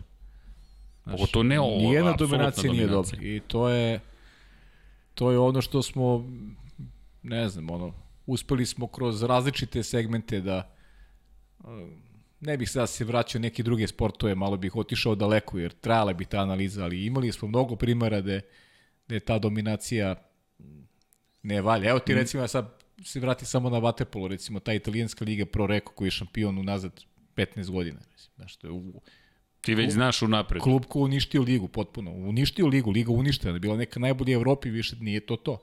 Znaš, nema ni reprezentacije njihova, nema benefit u takve lige gde su svi koncentrisani u jednom klubu, u jednom klubu, imaju mnogo stranaca, a znaju napred da će pobediti svakog rivala. Znaš, unapred šampioni svoje zemlje. Unapred šampioni svoje zemlje. Pa to ne može da bude inter... nije interesantno za gledanje, nije dobro ni za razvoj igrača, Pa nije dobro, nije dobro ni za šta, znaš. Pa, Sebastian Vettel se dotakao toga. Dakle, Vettel čiji sudbinu još ne znamo. Očekivalo se će u Belgiji saopštiti do Aston Martin, pa sad se ne saopštava, pa se sad priča možda će ipak da pauzira. I Vettel koji je rekao da je dovedena u pitanje egzistencija zapravo Formula 1 i da on smatra da u ovom trenutku ukoliko se ozbiljne stvari ne promene za 10 godina nećemo imati ono što smo znali kao Formula 1. To je malo onako dramatično, ali, ali uz razvoj... Nije, nije daleko od istine. Tako je, hibridnih pogona, uz razvoj električnih automobila, uz promene u svetu, to je, mi prisustujemo uvek nekim promenama. Kada se rodimo, nismo ni svesni da su se neke promene desile. Na nama je to norma, pa onda samo pročitamo istorijskim nekim knjigama, a pet godina se desilo to, to, to i to, prvo je super, ali to ja, sad, ja to znam po prirodi stvari. Tako da da, Formula 1 ima to ozbiljno posao. Samo kratko MotoGP, apropo. kada dođeš do toga da imaš ove godine toliko, toliko neizvesnosti, svi se odjednom interesuju za, za celokupan sport. Dakle, ne sviđa mi se što je povreda Marka Markeza konkretno dovela do toga da odjednom je upražnjeno mesto, da svi mogu da pobede, ali samo pokazuje kako stvari mogu da izgledaju. Jer kad pogledaš, taj takozvani donji dom Formula 1, kakve se bitke tamo vode. Pa da. Bude ti žao prosto što nisu za prvo, drugo, treće mesto. Jest. Samo to. A ti gledaš koliko su ti ljudi posvećeni. Kada pogledaš kraj trke, u 7 sekundi Okon, Albon, Norris, Gasly. Ni Stroll, ni Perez nisu tako dole. Sad ti kažem, više sam se radovao za vikend trkama Formule 2 i Formule 3 nego Formule 1. Znaš, jer Formula 2 nikad nije bila interesantnija. Nikad toliko dobrih vozača nije bilo na jednom mestu u Formuli 2. I to svi potvrđuju. Nikad toliko vozača nije konkurisalo za prelazak u Formulu 1. A nema baš slobodnih mesta. A nema baš slobodnih, nema baš slobodnih ve, mesta. Već se spekuliše da negde se traži Cunoda, Honda hoće Cunodu, hoće da ga gleda u Red Bull. Schwarzman. Schwarzman koji je interesantan na Hasu, e, interesantan naravno i Alfi. E, traži se, Niko Hulkenberg recimo je, je rekao, Niko Hulkenberg koji navodno je vrlo blizu prelaska u Has, rekao je da je siguran da već ima informaciju da je, da je Miku Schumacheru da će vrlo brzo biti zagarantovan mesto u Formu 1, da bi to baš moglo da se dogodi u ekipi Hasa. Pa, Has Ferrari. Has Ferrari i tako, tako je. Carlo Majlot koji je projekat takođe Ferrarija i njemu se traži mesto. Ajlot koji je Britanac. Britanac koji naravno ima iza sebe i, i sponzore, ima i kvalitet. Nikad toliko dobrih vozača nije bilo u Formuli 2. Ali da kažem, ja sam bio kritički nastoja prema Miku Šumekeru s počet godine, sve bolje vozi. Uključuje se čak i borbu za šampionsku titulu. Taka je mala razlika između prvog i petog da Mik možda se bori za titul. Da, Mik je zanimljiv.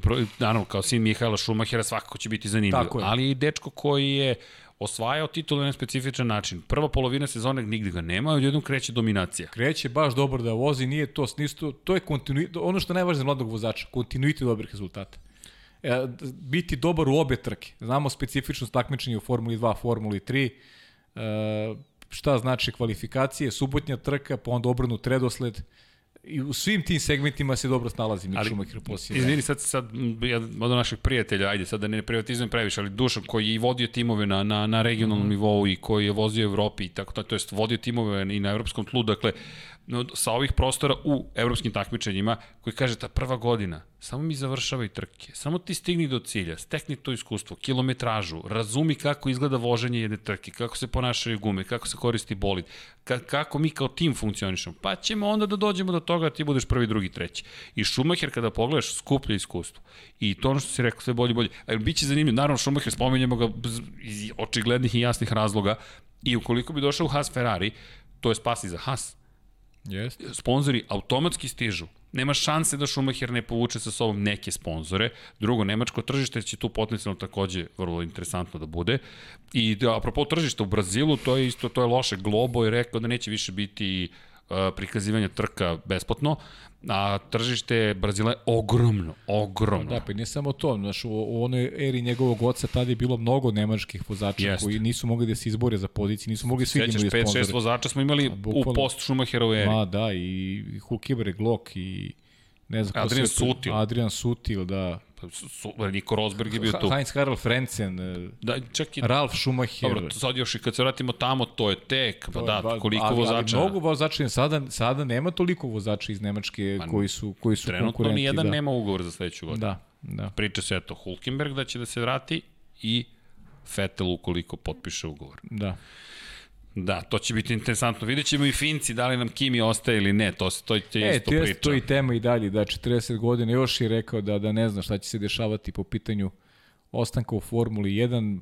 Mislim da, da onako iritirajuća sezona za njega. Baš je frustrirajuće da kažeš. Da, da, frustrirajuće, da, bolje reč, naravno. Pa, 12 je bio. Bio si ispred Ferrarija i Vettel i Leclerc, ali on je rekao, mi smo 12. Čovjek koji se ne raduje drugoj i trećoj poziciji, teško očekivati da će se radovati 12. Pa da, bar da može osvoja poene, bar da može nešto na stazi da isporuči, ali zaista jako loše Alfa Romeo ove godine, baš, da. baš Daleko, daleko, daleko.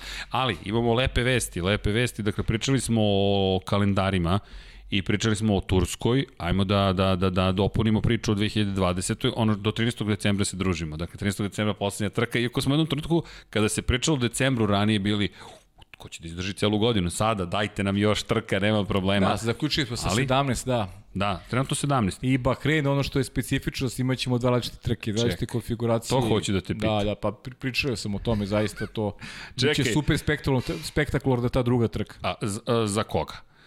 Pa, pa mislim, Čekaj, ko- za pa, dobro, koga znamo će za koga, ali, biti, ali, ali- biće za sve, s obzirom da je, mislim da ćemo prvi put imati onako za pol poziciju Spoljni, ali spoljni krug. ispod jedne sekunde. Pazi, da. pa, ta, ta staza, Šakir, dakle, na kojoj se vozi velika nagrada Bahrein, ima veliki broj konfiguracija. Konfiguracija o kojoj sada pričamo je takozvani spoljni krug, puni krug. Ljudi, to, e, evo, opet sam se nežio, dakle, to će, kao što si rekao, ispod minut da traje. To je pravac, pravac, pravac, par krivina i Mercedes tamo Pa dobro, će da, leteti. da, znamo ko će da leti, ali... Ali, Ali znaš ćemo šta se da- već priča, Ferrari će ćemo dva da kruga iza da bude na kraju trke. Pa, verovatno. Da, to je tragedija. Tragedija. Ali. Možda zato i zato se i održava tako. pa vidi, kad, kad pogledam kao da neko namerno to radi. Pri čemu, a, a, ajmo, ajmo da pogledamo situaciju. Ide velika nagrada Italije, pa velika nagrada Toskane. To je sada, dakle za tri dana smo, imamo već trku u Monci, imamo Muđelu za 10 dana, onda kratka pauza, pa velika nagrada Rusije, velika nagrada Eiffela, velika nagrada Portugalije, dakle Soči koji već poznajemo, imamo Nürburgring, mada me plaši Nürburgring u tom periodu, dakle Pa dobro, da. jesen je već stigla. Dakle, govorimo o, o, o konkretno 11. oktobru i onda idemo u Portimao, što je fenomenalno, pa Imola, to, to isto zabrinjavajuće 1. novembra, onda Istanbul Park. Čekaj, vraćamo se na mesto zločina, prva trka koju smo ikada prenosili. Jedva čekam da Jeste, vidim. 2011. godina. Ali rekli su da, inače, u Monci će biti gledalaca, u kom kontekstu zdravstveni radnici će moći da prisustuju, njih 250, dakle će se pojaviti. U Muđelu, u Muđelu će u- takođe biti da, u Muđelu otvorene će biti, da. da karte, ali su odlučili da ljude koji nas sve spašavaju od pandemije COVID-19 da na taj način nagradi. I to je lep gest, dakle to je gest bukvalno, kada je reč o zdravstvenim radnicima, ali Turska kaže imaćemo 100.000 gledalaca na tribinama. Ne znam šta mi je veći šok, Pavle, da u ovoj pandemiji ti kažeš 100.000 ljudi će biti na jednom mestu, ili što kažu i naši gledalci, kada je bila trka, bilo ih je 25.000, nisu mogli da prodaju karte, ali eto, Uželi se. Pa je, možda. Bilo bi lepo da bude, pa, pa- bude, da bi se budu zdravi za Teško je, početak, pa, ali... da, teško je pričati, zaista viš imaš na, na različitim kontinentima drugačije situacije. Evo sad, juče kad je počela i sezona u hokeju, pa vidim ima navijača na tribinama. Znaš, Da. U Rusiji, u Rusiji i u futbolu i u hokeju puštaju navijače uz određene procente, znaš, tako da...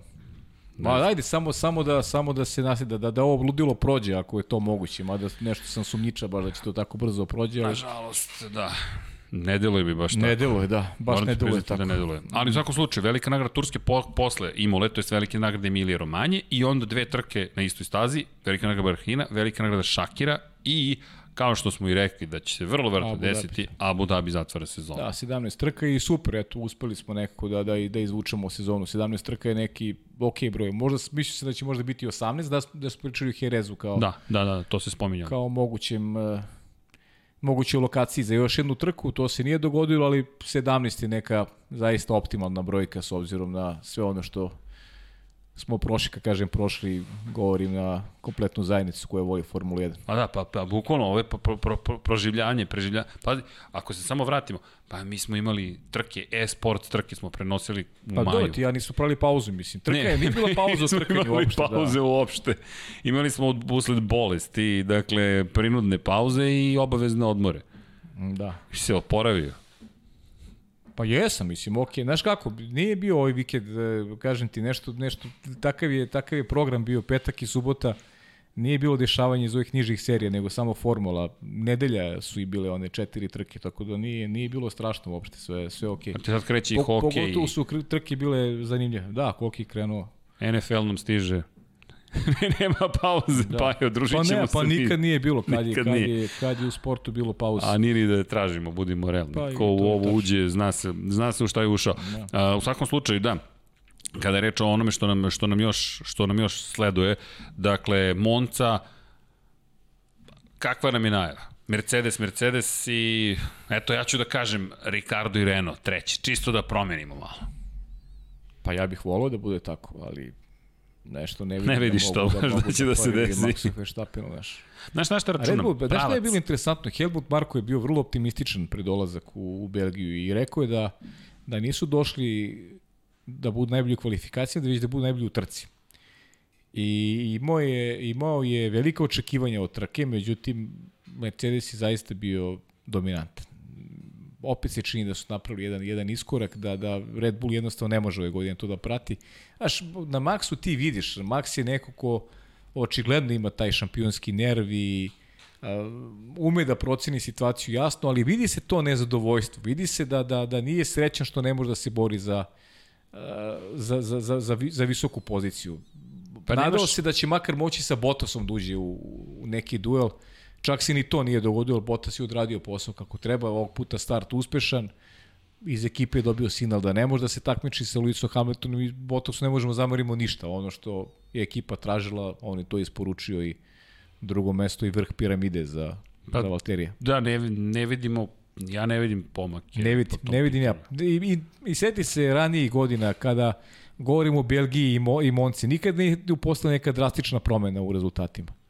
Znaš, ono što, To što to. vidimo u Belgiji dobijemo i u Monci. Slična konfiguracija staza, brza, prava trkačka, u 7 dana se, se vozi dve trke i teško će se nešto promeniti. Ali da li očekuješ, ajde, promenu da se dotaknemo i kvalifikacijenog moda, tog party moda čuvenog? E, bravo, to je sad Da interesantna li će tema. to zaista da poremeti stvari? Binoto kaže da veruje da će to promeniti poredak. Da li će možda promeniti kod drugih korisnika Mercedesa, ne nužno kod glavnog Da. tima? To, to je eventualno nešto što vidimo. Ja ne ali verujem, iskreno ti kažem, da će se nešto promeniti drastično. Ja mislim da će opet Mercedes biti Da će Mercedes. biti isto, da. Suštinski ne vidim tu promenu. Ko zna, možda, možda pomogne Ferrarijevim korisnicima, možda i Renault koji je počeo da ovladava polako tim party modom, pa i Honda tu izgube, pa možda dobijemo tu neku zanimljivu mm. bitku, ali, ali ja to ne vidim da će uticati na Mercedes. Ne vidim ja. Zaista, to, to, to mi je nešto što mislim da se svodi praktično na, na očajnički pokušaj da se promene stvari. Isto, isto tako gledam ja, ne, nemam šta da dodam zaista. Tako bi bukvalno deluje. Dobro, pa jo, znam da si danas snimao i snimao. O, e da, okej, poziv, možemo, imamo šta snimajte još. pod kap. Imamo, vidi, ja sam raspoložen ako si, ali ja sam sa odmora možemo stigao, još. tako da, da... da. Možemo još, mislim, još, da ima još neke teme, ne znam šta još nismo. Ima neka pitanja, šta nismo prvo te E da, apropo pitanja, nismo se, nismo se dugo dotakli pitanja, možemo da iskoristimo priliku, dakle, kada govorimo da o, o, o, o konkretno, dakle, Formuli 1, sad imamo Imamo mnogo pitanja na sve strane, ali ću baš apropo onoga što su bila pitanja za Formulu 1. Dakle, dajte mi samo sekund. Ajde, ajde. Pričali smo, pazi, nismo se dugo družili, to mi je malo onako Pa do šta dve nedelje. Zbunjuje, pa zbunjujući mi i dalje, nekako... Prošle nisam ja bio. Doliko sam navikao, ali okej. Okay. Da, inače bilo super kada reče o, o Zvonu Živku, nadam se da će nam se pridružiti kada budemo obojica zajedno ponovo. Čovjek je zaista čudesan, ima toliko lepih stvari o, o, o kojima priča. Da, inače, bilo je jedna od zahteva da, da, da napravimo i posebne priče o o starim mjerama. To već sam rekao par puta, dakle, ljudi, mi jedva čekamo i emisije, ali to ćemo iskoristiti među sezonu, kada ne bude toliko trka, dakle, kada dođemo na kada dođemo na to na, da, na, na, na taj nivo da pričamo zapravo o tome šta sledi u 2021. Tako je, posle decembra mesec. Vidi, ja sad gledam ovde, uglavnom su pohvale po neka kritika, evo, pitanje, kada Ajmo mislite kritike, da će se... kritike. Pa, kritike su uglavnom na mene, što prekidam goste. Dakle, tako da, eto, moram da se obuzdam, ali ja prosto emocije me nosi, ja volim te digresije, volim da izmislimo priču. Nismo završili jednu priču, to dugo je zaista izvinjenje. Gospodin Živko je krenuo da objašnjava kako tokom vikenda snima. Sad vodim računa da, da ne ostavim zatvorene, da ne ostavim otvorene teme, ali kako snima zapravo tokom trke Formula 1, kad se gde pozicionira, kada fotografiše i kada je to najbolje. Tako da ja se izvinjam za to, to je zaista ostalo nedovršeno, ali ćemo to da izvedemo. Ali evo pitanje, kada mislite da će se dominacija Mercedesa i Hamiltona zaustaviti? Nikad. Pa, Ja ne vidim- Pazi, zaustavit će se sigurno jedan Ne, moment. šalim ali, se, ali Ali re- reći kad, ja zaista ne vidim iz ove prizme. najranije do teško je to reći. 2021. Pa, da. Najranije. Da. Evo, govorit ću, 2022. godine promenama primjenama novih pravila. Da, bi moglo da se prekine. a Pravila. kako je Mercedes možda. A i odgovorili smo u... Evo, U podcastu. u podcastu. Dobro, idemo dalje. Dakle, da, to je bilo pitanje.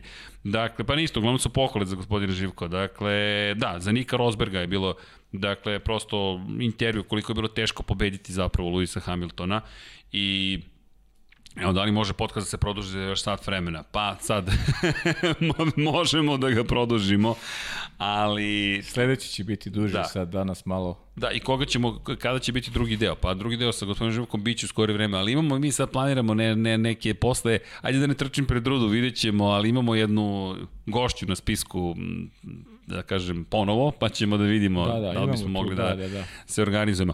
Ali, da, uglavnom su pohvale, to je lepo čuti, dakle, moram da prođem još jednom kroz pitanje. Tek sam stigao sa odmora, nisam uspeo Ajde, još sve pa da prođem. mislim, Vanja mi je spremio spisak, ali ga nisam još uzeo. U, evo, Drinking Game se nastavlja. Vanja, Vanja je ponovo spomenut.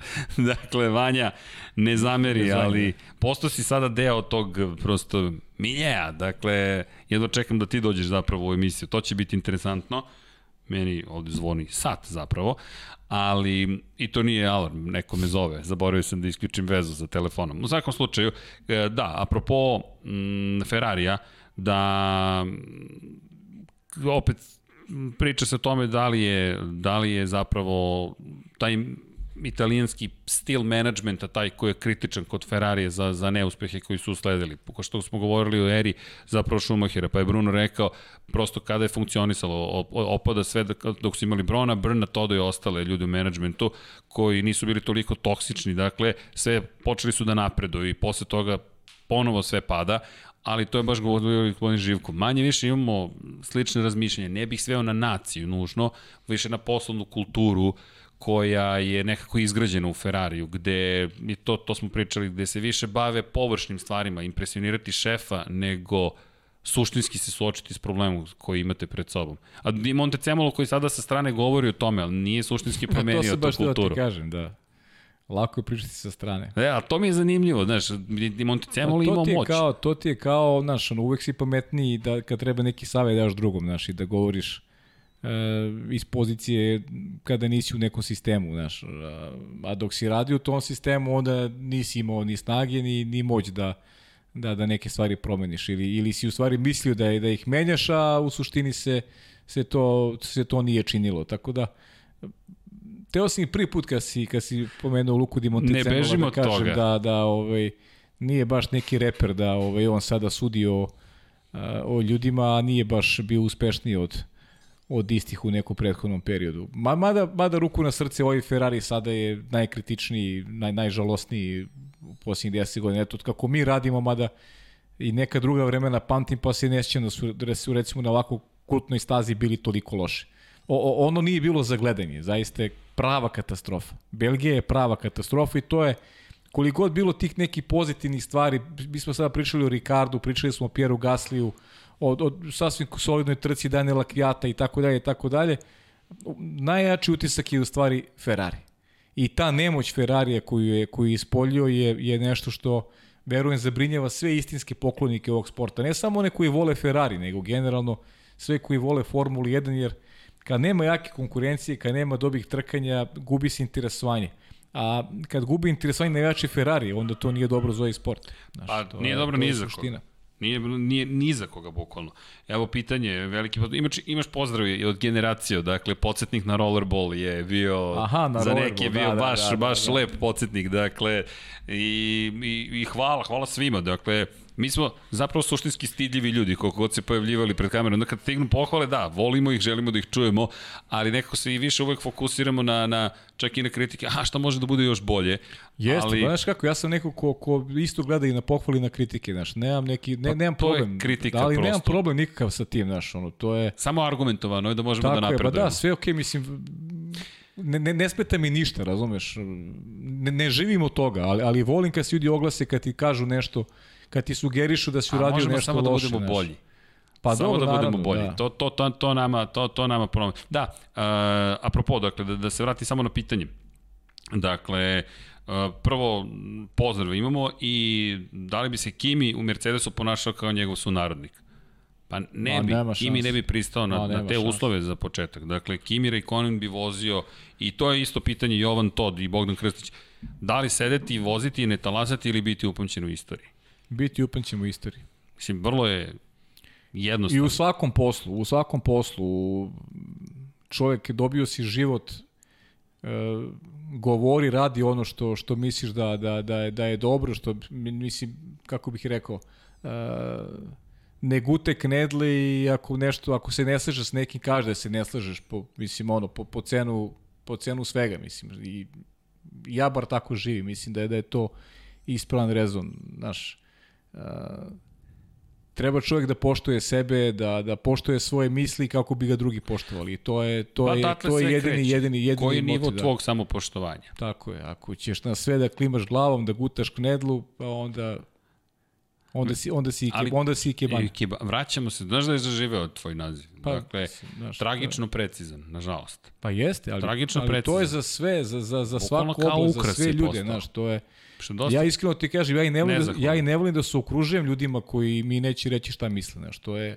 Nema sukoba mišljenja, pa to ne, nam je potrebno. To je, znaš, ali to, to ne znači... To nije mržnja, to nije, nego to je samo sukob mišljenja, to nije nepoštovanje nekoga, I to nije svađa, misli. to je to... prosto, imamo različite mišljenja. Znaš, imam jedna, mislim, to su i neki, i, i filmovi su se bavili tom tematikom, znači, znaš, ono, recimo, jako, ono, poštem one, one, one film, Miri žene i Al Pacina, najviše volim zbog, one, zbog onih završnih sekvencija, one, znaš, one dolaza Kalpaćina i priča oko toga, Znaš, ja stvarno mislim da poltroni, to su najniže dno ovog društva, nikome ne trebaju. Ne mogu da donesu nikome ništa dobro. Znaš, biti poltron Kako je, vetar duva. Biti poltron je, je, to su za mene otpadi društva. Znaš, to je, to je, e, ne, može, ne može društvo da napreduje uz veliki broj poltrona. Znaš, imaš poltrona, ja, to je samo za sklanjanje, eliminacija. Znaš, znaš da imaš mo moć nekog odlučivanja i da imaš poltrona, i odmah bi ga šikanirao, odmah bi ga izbacio. Ali... Ne znači mi ništa da mi se, na taj način želiš da mi se dodvoriš. Nemoj to da radiš jer si otpad. Ali... Ne zanimaš me u životu, znaš. Ti držiš Ali, nažalost, do sebe. Takvi, držiš do sebe. A e, to da. ti je međusobna igra, to je i onaj ko je. želi da ima poltrone e, tako je. i onaj ko želi da bude poltron. Slažem se. Slaže se, ne razumem te koji žele da imaju poltrone u sebe, naš. A ni poltrone, ne, ne, ni ove koji žele da ih imaju. ne dobijaju ništa sa tim. A, a to je vrlo ozbiljna tema. Ne da je... To, to je možda to je najozbiljnija tema vrlo... koju bismo mogli da obradimo uopšte. I to se u sportu dešava, Dakle, često kada gledamo savjetnike, meni, na primjer, to upada u oko. Kada gledam, evo, na primjer, ne kažem da je Poltron u pitanju, ali kada kada nemaš, po mom mišljenju, kada nemaš jasnu sliku i kritičku sliku. Dakle, Andreja Doviciozo, ne znam koliko se ispratio, nema ugovor sa da, Ducati za sledeću da. sezonu. Da, I pobedio je u toj trci kad je ostao bez ugovora. Da. Jeste. I KTM mu je nudio ugovor pre, pre, pre par meseci. -hmm. Simone Batistella koji mu je menadžer, nije hteo da se pomeri ni za milimetar. Sada, dva meseca kasnije, kada je KTM zabeleže dve pobjede, kaže Batistella, pa možda smo mogli biti fleksibilni, i mi i KTM. I od sada ćemo svaku ponudu ipak bolje da razmatramo. Što hoću da kažem? Batistella je štitio interes svog klijenta na, ako gledamo to bukvalno. Ali da li je zaista štitio interese svog klijenta ukoliko je u tom momentu mogao da kaže čekaj, stani, Nije ovo pitanje sada ponosa, ajmo da vidimo šta sve dobijamo ili šta gubimo. Šta hoću da kažem? Ako ti ne dođeš kod Andreja Dovicioza, na primjer, i kažeš mu kritički, slušaj, Ja duboko verujem u nešto drugo. Ne, samo radimo to kao ratnici smo. Mislim da tu gubiš, da zato je kritika važna. Možemo da sednemo i kažemo i vidi, ovo nije urađeno Tako dobro, je. ovo je urađeno loše, ovo je urađeno, ovo može bolje. Na taj način može da se napreduje. Yes. Ali ako ti ja samo idem niz dlaku, pa ti da, si super. Pa to je da se nadoveže, mislim, kad sam već spomenuo film, mislim, Cinkaroš i Poltroni, znači Cinkaroši su to istoj grupi, znaš, to ti je, to je, to, to je ta, ta priča, ta, mislim, ono koje mene onako životno iritiran, znači ne, ne da ne mislim o tim ljudima ništa, nego to je meni najveće dno, otpadi društva, znaš, meni su to otpadi društva najveći. Znaš. I onda sad smo samo nadovezali malo na, na, na tu sportsku priču, uh, ako ne držiš do sebe, ne želiš sebi uspeh, ne želiš sebi dobro, uh, automatski te niko ne ceni i zbog toga zbog toga Valtteri Bottas ima neki stav, ne, ne, zovem ga, ne zovem ga pogrednim imenom, nego, nego prosto ti kažem da da moraš da zaozbeš neki stav ukoliko želiš da te neko ceni, znaš. Znaš koji, izvini, moj utisak? Mislim da Bottas ne zna da igra tu igru. I da Jasne. se upleo u nešto što prevazilazi njegove sposobnosti pregovora. Ne vozačke. Da Jer ako, ako tumačimo situaciju koja se desila u toj trci, da, u trci sada u Belgiji, gde mu ekipa kaže nešto što on se ne sjeća da ikad izgovore, meni to odaje sledeći utisak. Naravno, su sve utisci sa strane, ali imamo neka iskustva i životna i profesionalna i nisu tako već mala. Sediš u situaciju koju kažeš, ok, nešto smo se dogovorili. Onda ti neko kaže, pa ne, nismo se dogovorili.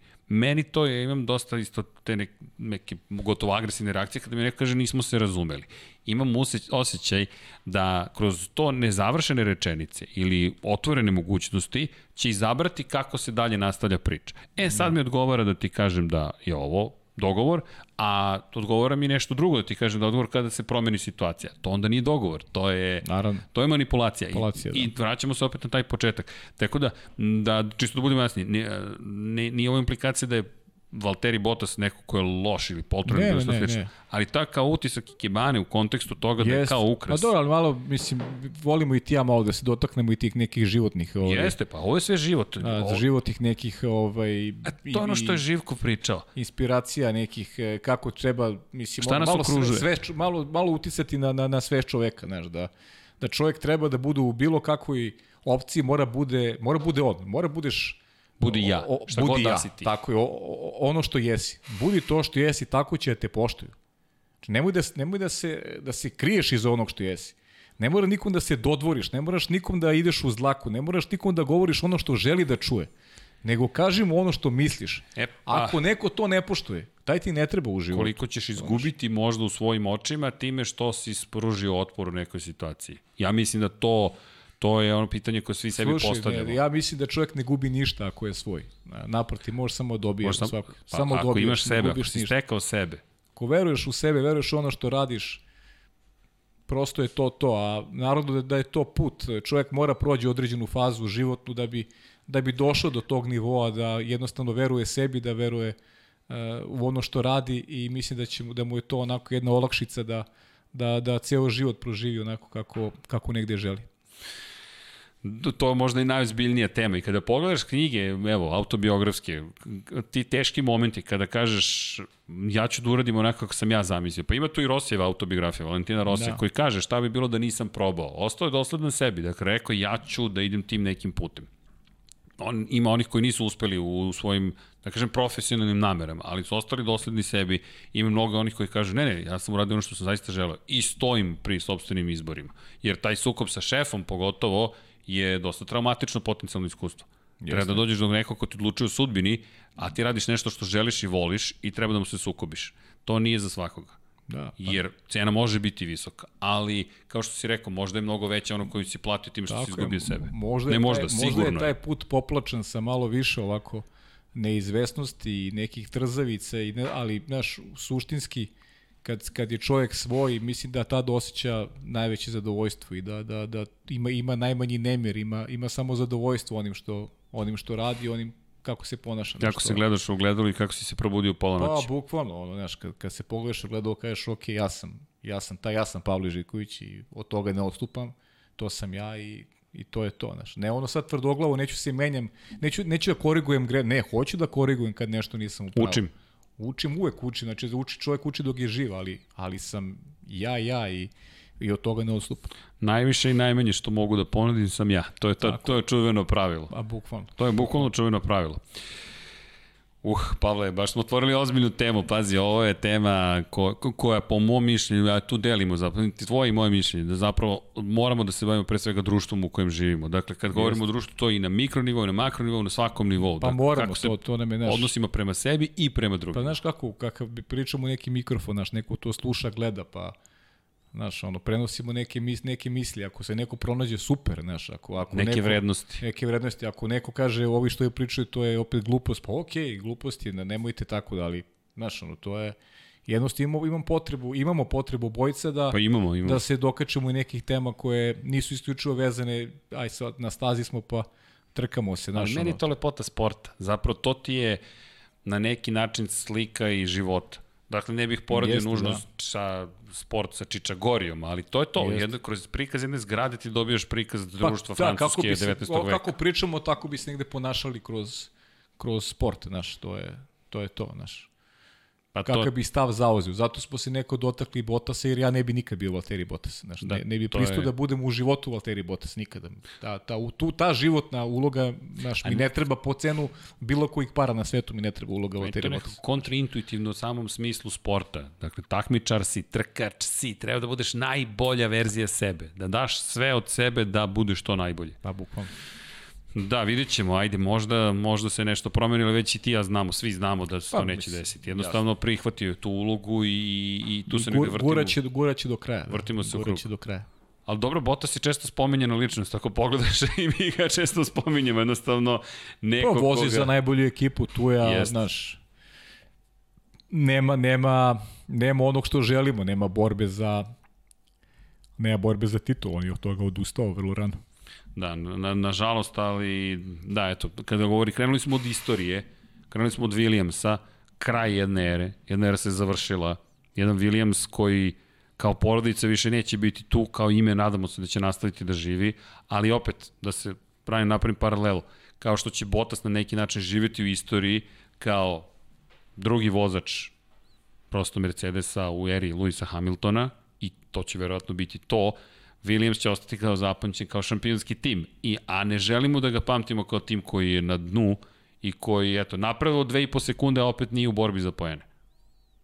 Pa, ja se nadam da, da, se, daš, da, da se to neće dogoditi u budućnosti. Mislim, ja ću uvijek Williams zapamtim kao, kao veliku Ti, ekipu, da, Franka ja. Williamsa ću pamtiti kao neko ko je u istorijskom smislu mnogo dao Formuli 1, jedan od ljudi zbog kojih sam i zavoleo taj sport, e, ekipa za koju je vozio i moj omiljeni vozač svih vremena Ayrton Senna, znači to je period kada sam navio i za Williams, kad je Senna bio Williams, ja sam navio za Williams, naravno, to je, znaš, jednostavno, gde god je bio Senna, ja sam za tu ekipu navijao i to je, to je prosto, da, tako da se jednom periodu života i navijao za Williams i u tom pogledu neću nikad zaboraviti ono što je istorijsko nasledđe Williamsa i u krajnjem slučaju moj čovek je tvoj čovek je osvojio titulu s Williamsom. Tako je, čuveni brka.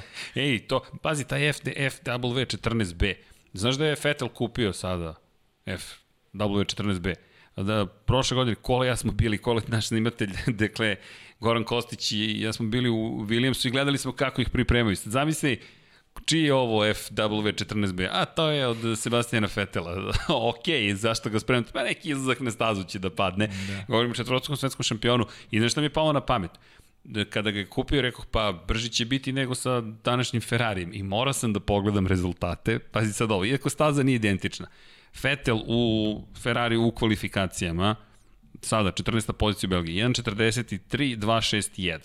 Bolid star, 20 godina, skoro, skoro. O, ne, 28 godina, izvini, 28. ne, 28 godina. Nigel Mansell, William Sereno, 1.55.45. Dakle, samo 7, 6 i po sekundi sporiji. A čisto da se zna gde je bio drugi sledeći najbolje plasirani vozač, Ayrton Senna skoro 2 sekunde sporije bio u tom krugu od Nigela Nigel. Mansella. Da. Čuveni brk. Čuveni brka, da. Neverovatno. 1.55.4.5. Kakav je to bio bolid? To je svemirski bolid. Mada, koliko se sećam tih kvalifikacija, tu i padala kiša, svašta se tu događalo. Ali mi je prosto bilo zanimljivo da bacim da, da. pogled na, na neku istoriju i kako su stvari izgledale. Ajde, možda je bolje da uporedimo zapravo kvalifikacije u, u Mađarskoj. 1.15.4.7.6, Ricardo Patreze u tom istom Williamsu, a ove godine, evo dajte mi sekund da bacim pogled na Mađarsku, kvalifikacije Lewis Hamilton, čekaj, Ferrari 1.14.774, Sebastian Vettel peta pozicija. Dakle, skoro pa da u FW 14B bi bio brži od Ferrarija ove godine. Rekao bih da to dovoljno govori o, o, o Williamsu iz tere i ne kritikujem Ferrari, samo govorim o tome šta su ti ljudi napravili.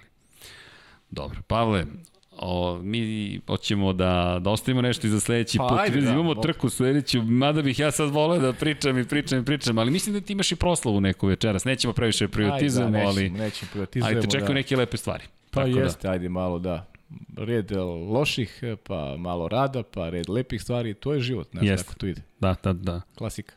Klasika. U svakom slučaju, no, Lab 76, broj 27, ja ću iskoristiti još jednu priliku, juče sam to rekao, imaš Crnog Pantera, Meni dalje nevjerojatno kada sam saznao da je, da. da je preminuo Chadwick Boseman, dakle, četiri Pričao godine sam o tome, se, da, da. i čak i Lewis Hamilton pričao o tome čini mi se neka kvalifikacija u, Jeste. u subotu, da. I posvetio je pol poziciju upravo, Jeste, upravo njemu, da. čovek koji je bio, koji je zapravo nama doneo na velika platna lik i, i delo Crnog Pantera. I juče sam rekao Wakanda Forever i ostajem pri tome. Wakanda Forever. Zašto? Da.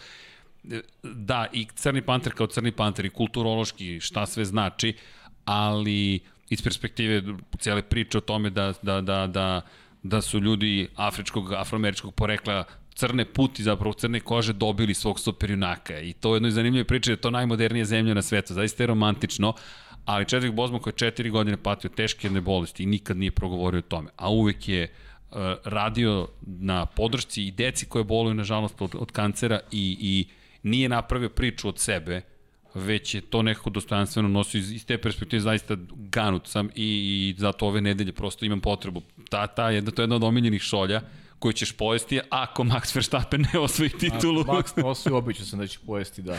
Do tada oštrim zube, pa šta mi Bog da. U svakom slučaju, danas ste uživali. Mi ćemo da uživamo za ovaj vikend kao i svi. Dakle, ide velika nagrada Italije, a onda onog vikenda dupli vikend kada rečemo MotoGP-u da, da, da, da. i Formuli 1. O NASCAR-u... Mugello i Mizano, tako već. Tako je. Znaš šta, mi moramo da, da, moramo, ja mislim da moramo da napravimo specijal za NASCAR. E, znaš šta ću reći samo za NASCAR, eto za one koji prate, ovaj, počinje play sada playoff i ono što je interesantno, Jimmy Johnson neće biti u playoffu, dakle to da. je najjača priča, čovjek sedmostruki šampion se oprašta, četiri poena su mu fala da uđe u playoff i to je tačno onaj COVID koji je imao, Jeste, koronavirus. Propustio je trke. Propustio, Medi Benedetto će biti učesnik play-offa, dakle Med, eto to su praktično četiri Penske vozača i kad se već kod Rodgera Penske imao je sastanak sa Žanom Todom tokom 500 bilja Indianapolisa, postoji mogućnost da se Indianapolis vrati u kalendar Formule 1, pošto je Roger Penske, Penske sada vlasnik staze, Tako da se raspravlja o tome da se Indianapolis možda opet vrati u šampionat Formule 1, to je još jedna interesantna vez. Dakle, mogli bismo imati dve trke u Americi u narodnom periodu, Za sada su samo pregovori, šta će se dešavati, vidjet ćemo. Navijamo Tija za Watkins Glen. Pa ali najviše, ali, ali, Morali bi ali, da ga dobro, srede. ali je i Indianapolis je kultno mesto, tako Kako da... nije? bilo bi lepo i da je tamo vrati formula. I to na mesto sa kojeg je otišla neslavno, tako, tako da bi bilo lepo da je u novoj eri da počnu neke nove stvari. Istorija, kao što kažeš, neki stvari dese loše, neki stvari dese lepe. A, uvijek tako, da. To je, to je život. Pantarej. Pantarej, bukvalno. Ipak se kreće. Yes. To jest, u krug ide sve. Pavle, mi imamo krugove i to u Monci i to prvi, poslednji krug, dakle jedva čekam iz te perspektive uvek mi je zabavno, Monca ipak kada stigne, da, bez obzira, neće biti tifoza ove godine, ali će biti i dalje lepo. To bi bilo to za, za sada, a naravno, ostanite naravno uz Lab 76 i, i uživajte, a uživajte u celom trkačkom vikendu. Ćao svima. Ćao, prijatno.